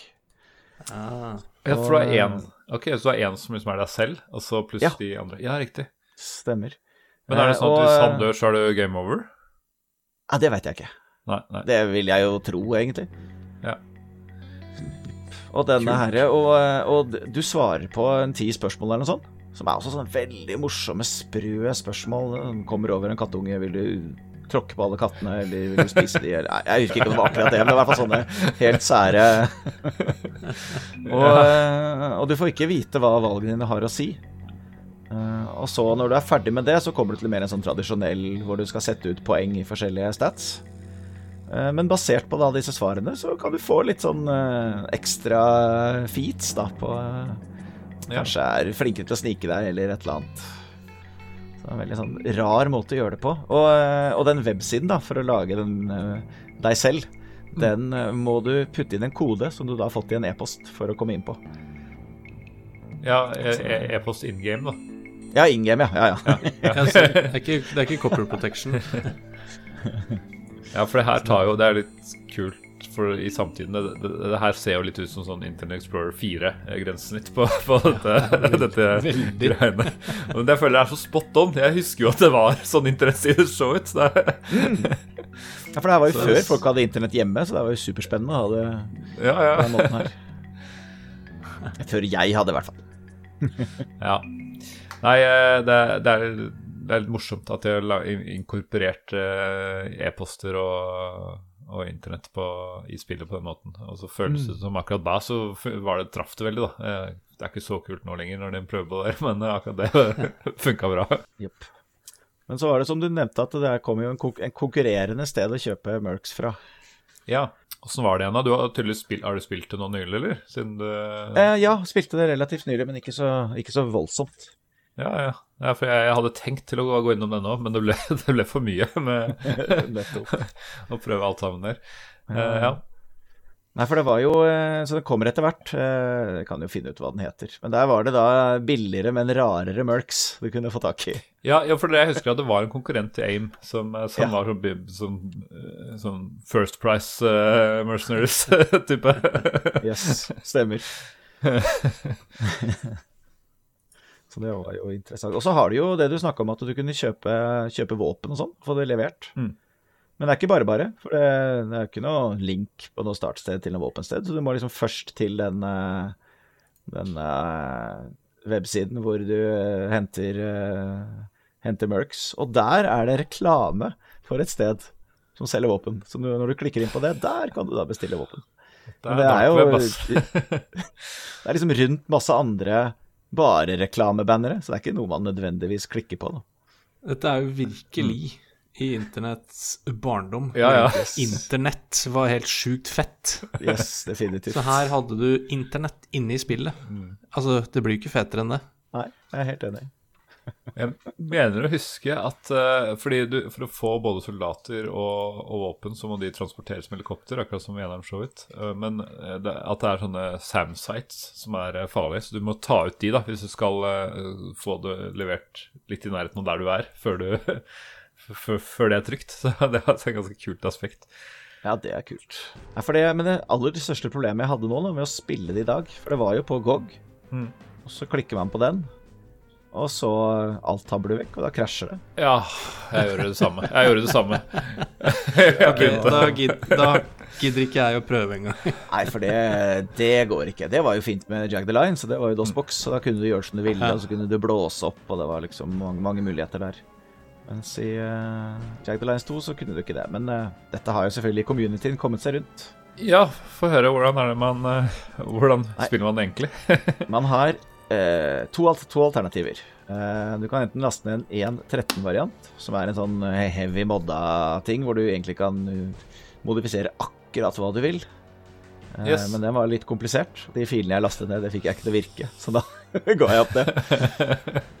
Men så er det noen som har laget noe de kaller eh, JA2 Strachiatella. det høres ut som noe noen har lagd. ja. Som er en launcher Som er bare et lite, lite vindu. Og så putter du eh, Hvor er dataen eh, Hvor er Jag the Lines 2 installert? Jo, det er der og der. Ok, hvilke mods vil du ha? Jo, de modsene der. Hva er settings? Hvilken eh, resolution vil du ha? Hvordan vil du det skal, skal skaleres? Det vil si at du, hvis du velger da 640 ganger 480 resolution, som er den beste resolutionen, så kan du dra vinduet større, og så skalerer den ganske fint opp. Ja. Det er helt klart Det var den måten jeg syns det var best å spille på, i hvert fall. Ok, men da skal jeg kanskje prøve det likevel, da. Yes, Og det er da den, eh, den originale 1.12-varianten du spiller der, da. Og ikke da denne 1.13 som, eh, som er da en Fan- sånn Fanpatch. fanpatch. Fanpatch, ja.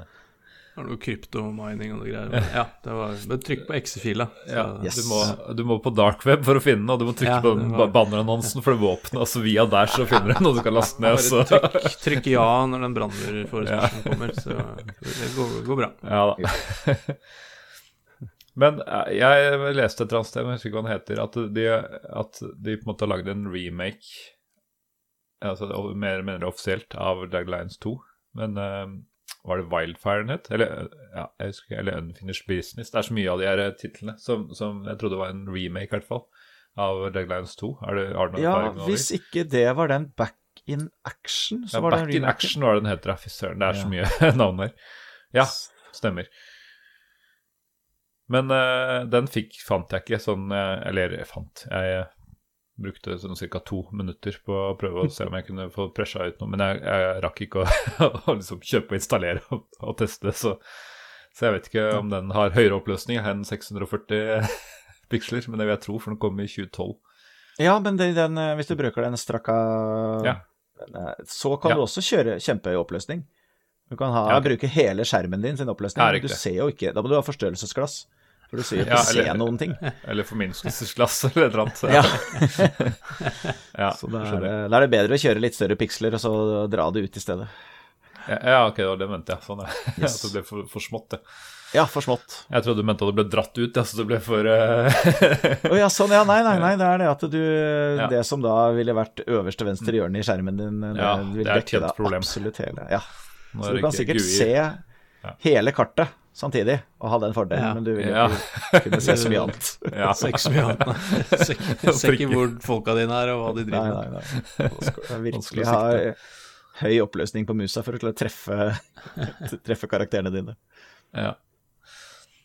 Mm. Ja, nei, for du har jo tre sånne mm, flashback-spill som har kommet etter Jagged Alliance 2. ja. De har ikke jeg noe erfaring med, men hva, hva er det for noe? Ja, det er en, en som heter Back in Action, og så er det en som heter Flashback, og så er det en som heter Rage. Og så kom det også en Jagged Alliance på DS. Som jeg Nei, heller aldri har yes. uh, Og jeg har ikke prøvd noen av disse. Kikket på noen YouTube-videoer, og alle har fått sånn fem til seks på uh, Metacritic, så Ja. ikke, noe, ikke noen høydere. Nei, jeg har også hørt at det var en av de her eh, Om det var en uoffisiell oppfølger av det som, som liksom fikk litt mye traction, men så ble det sånn. Kommune, eller problem mellom utvikler og utgiver som gjorde at de ikke fikk betalt, og så bare ga de ingen å patche, og så bare Det hørtes veldig tragisk ut, så Ja. Ja, da. Nei, men det er jo en eh, Man har jo ikke hørt om så mange andre eh, spill som er, som er gitt ut av eh, av Surtec. Ja, nei, nei, ja Jo, jo Surtec har jo gitt ut en del ting, men den her Jeg mente Madlab, det. utviklet av Madlabs. ja. Så de har jo De har jo bare laget Jagged Alliance. Ja, Mens- det var da, da jeg hørt om dem. Ja, ikke sant? Men Surtec de lagde jo da Jagged Alliance 2 og, og prøvde seg på litt, litt flere. Men uh, det her er jo blitt sendt hit og dit, og det er jo ingen uh, Hvem som egentlig eier disse tingene her, er ikke helt godt å vite, vite lenger. Har en tendens til å være så mye av de spillene vi prater om, de er bare lost in time på innen nå. Men det er jo på GOG. Rettigheter som bare svever rundt. Ja, nettopp. Men ja, GOG er løsningen veldig ofte. Yes, Eh, ikke på Jaglines 2, da. Da må man på Strakkia Tell. eh, nei, du må, du må begge steder. Du må først kjøpe det, Ja, for du må ha riktig. filene. Yes. Riktig. Eh, Så det er Men der, nemlig, så står det at det er eh, eid av Strategy First. Men om det er de som fortsatt eier det, det vet jeg ikke.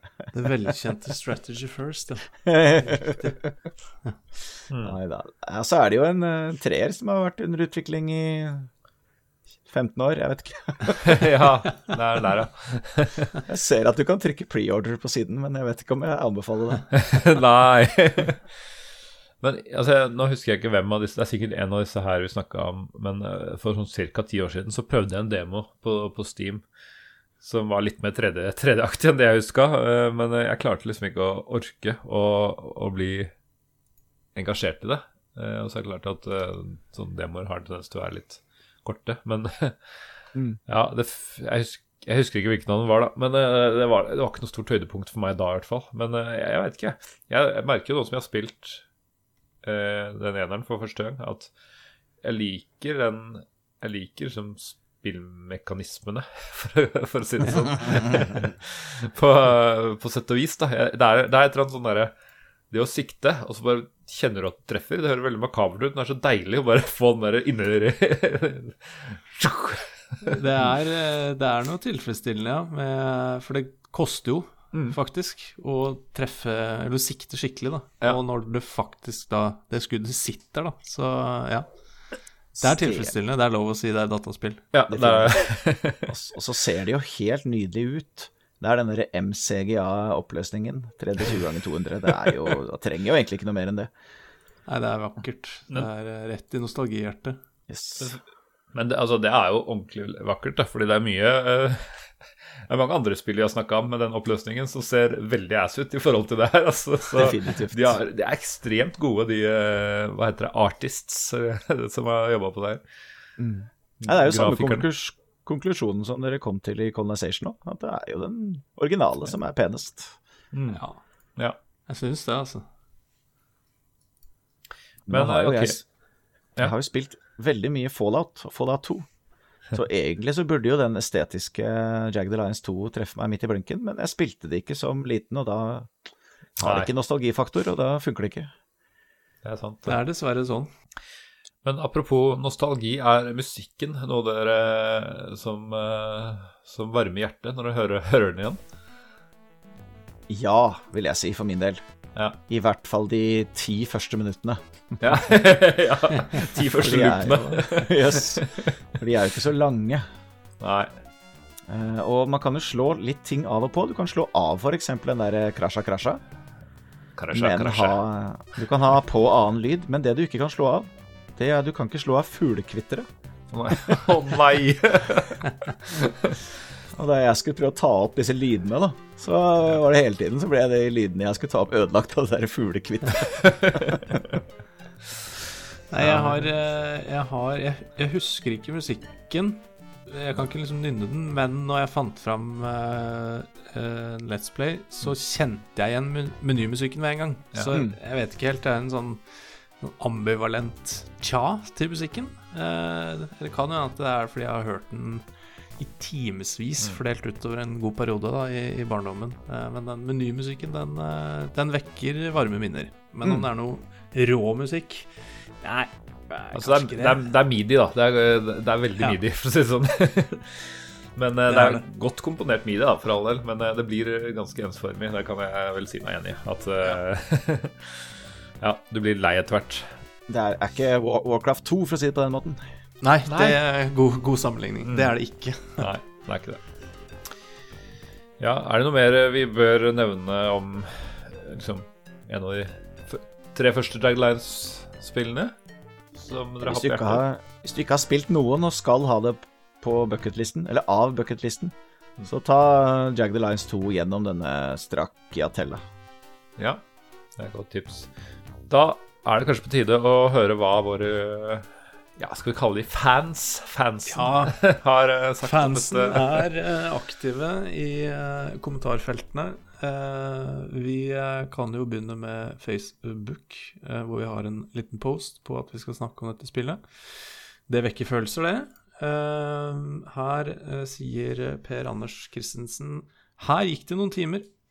Som jeg fortsatt tror Ivan sa. Kratcha, kratcha, he-he. ja, det er ikke så langt unna, det. Um, Eivind Johnsen sier 'Å ja da'. var er stor fan av UFO Enemy Unknown, så da jeg forsto at dette var samme sjanger, måtte jeg skaffe meg dette spillet.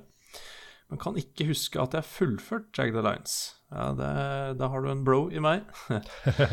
Syns jeg så et sted at nummer tre kommer snart. Interessert i å teste dette.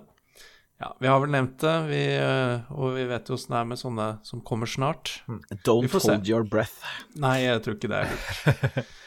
Eh, Erlend Magnus Wiggen sier jeg var lenge småinteressert i Jagged Alliance-spillene pga. likheten med de kjempebra XCOM-spillene, men kom aldri så langt at jeg spilte noen av dem.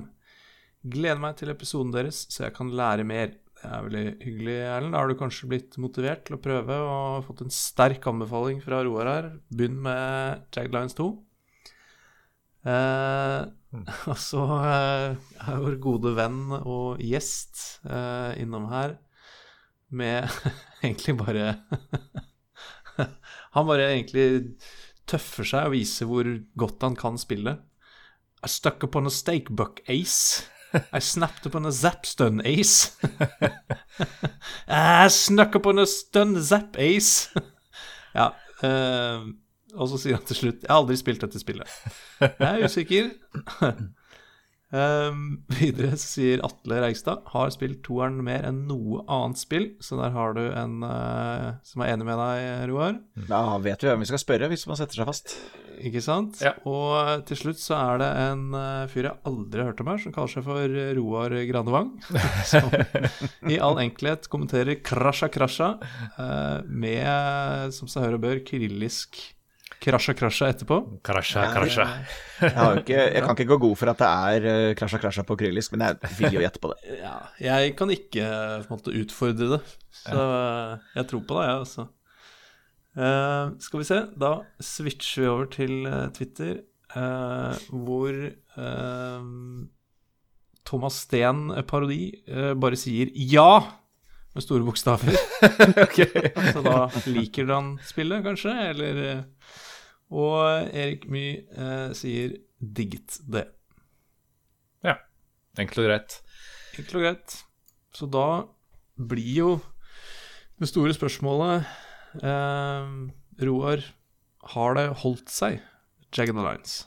Jeg, eh, jeg nevnte det vel så vidt i stad, men jeg satt jo pal i eh, to-tre uker og spilte det eh, så å si utelukkende. Eh, Og spilte gjennom det, og jeg koste meg jo veldig, jeg, altså. Men eh, det var mye, mye sånne tenåringsbriller. Ja. Så, øh, og, øh, så jeg Ja, hvis du spilte det som liten, spill igjen det igjen. Kos deg. Hvis ikke Nei. Nei. Mamen? Ja, altså jeg spilte jo ener nå for første gang, da, og jeg syns jo det var veldig interessant, fordi jeg kjente jo til eh, hoved... Liksom, deler av spillet, hvordan man spiller det, og så skjønte jeg ikke en dritt av det andre umiddelbart.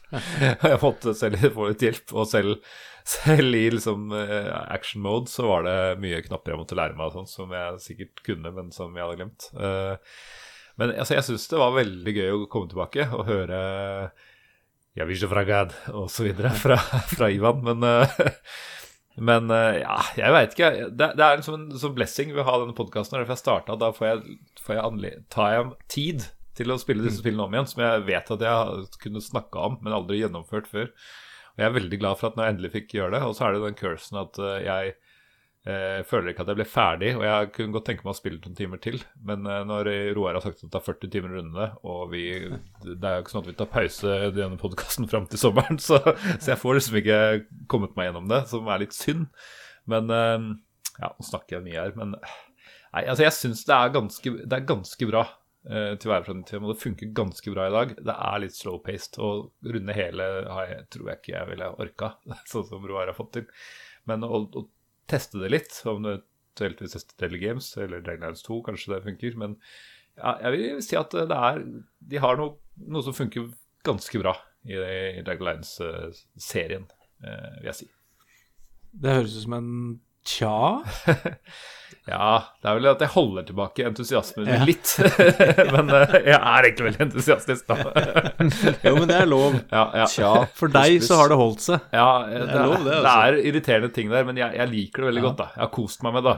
Ja, Jo, men det er eh, en sterk anbefaling, og eh, her er det ikke regler, så det er lov å være subjektiv. Uh. Så det, det tar vi med oss. Jeg syns at er eh, veldig spillbart. Det er selvfølgelig masse nostalgi, eh, for min del også. Um, men det blir litt for mye micro, så jeg kan ikke si det har holdt seg. Eh, Jeg tror nok det lille jeg har spilt Jagged 2, og med Roars anbefaling, så spill nok heller det, altså, hvis du skal spille et kult spill Ja. som har de kule elementene. Eh, mest nostalgi for meg på Jagged Lines. All right. Nei, men da eh, tar vi Ja, vi har noen minutter igjen, selv om vi har holdt på lenge. Eh, Fins det noe tilsvarende i dag, sånn mens vi venter på Jagged Lions 3, mener jeg? Er det noe, er det noe annet vi kan spille i mellomtiden? Jeg har eh, Jeg hadde jo egentlig dette av den eh, ventesjangeren da jeg spilte det med Turtle-Based. Eh, så jeg, jeg sender den til studio, jeg, eh, om, om det finnes noe tilsvarende i dag. Ja, det kommer jo an på hvor, hvor, til, hvor tilsvarende, da. Det er jo, det er jo mange som eh, sammenligner det med XCOM-spillene. Ja. Og XCOM-spillene har jo fått relativt nye oppfølgere, både med XCOM 2 og XCOM Ja, XCOM. Eh, hvor de har eh, tatt mye av det samme. At du har liksom en byggefase og en forskningsfase. Og så har du da en, en taktisk eh, fase hvor det er turbasert. Men de har jo tatt vekk action points. Sånn at nå istedenfor at du har da agility som gir deg 20 action points, så kan du gjøre to ting. Du kan gå et sted, og så kan du gå et sted, eller gå et sted, og så skyte. Ja, stemmer. Eller bare skyte. Forenkla action points. Så det er jo eh, Det er jo en vei, vei videre, da. Så jeg vil jo, jeg vil jo håpe at et nytt Jack the Lion-spill bruker den, den, den, eh, den eh,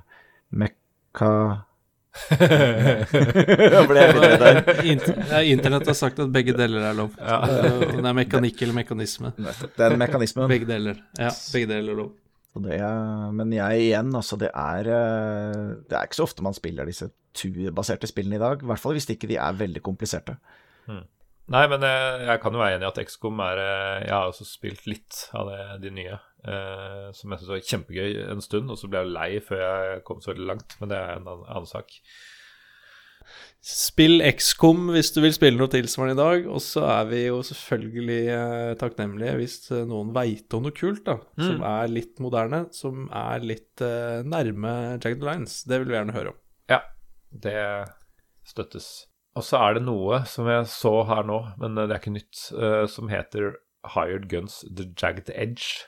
Som eh, er en sånn opp, slags Hva heter det? Åndelig oppfølger til Jagged Lions, som kom i 2007, da. Eh, som går an å sjekke ut. Men eh, jeg vet ikke så noe om det. Det er ikke, lag, ikke laget av noen av de Nei, opprinnelige. er mer noen som liker konseptet, så det kan hende at det funker. Kanskje det kan være noe. All right. Men uh, vi har uh, begynner å bli ganske gå anselig lengde på denne episoden også. Syns vi har holdt det gående en stund.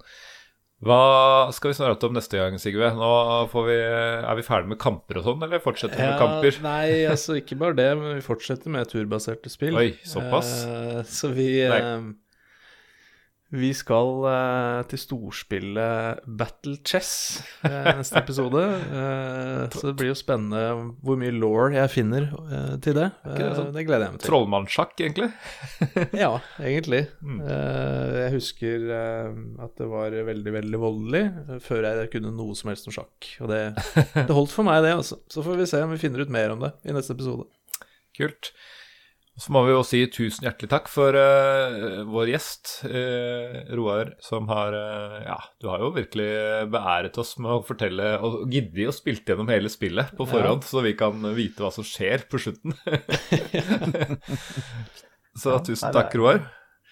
Det er jo en ære å få være med Norges, ja kanskje, kanskje verdens aller beste podkast. Ja, helt enig. Rett, rett på CV-en, en det ære. her. Det er det. Godt det skjer, det. Ja, men tusen hjertelig takk. Så får vi si tusen takk til alle som lytter også. Og så minner vi om at eh, for de som bor i Oslo-området, så er vi på Tilt. Eh, på Tiltkast eh, 27. mai. Og håper det er mange som tar turen innom.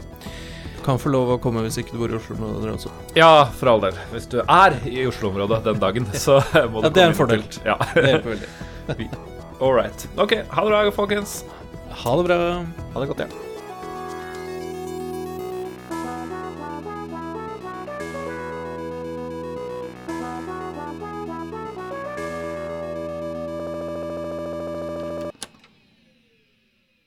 Practically useless.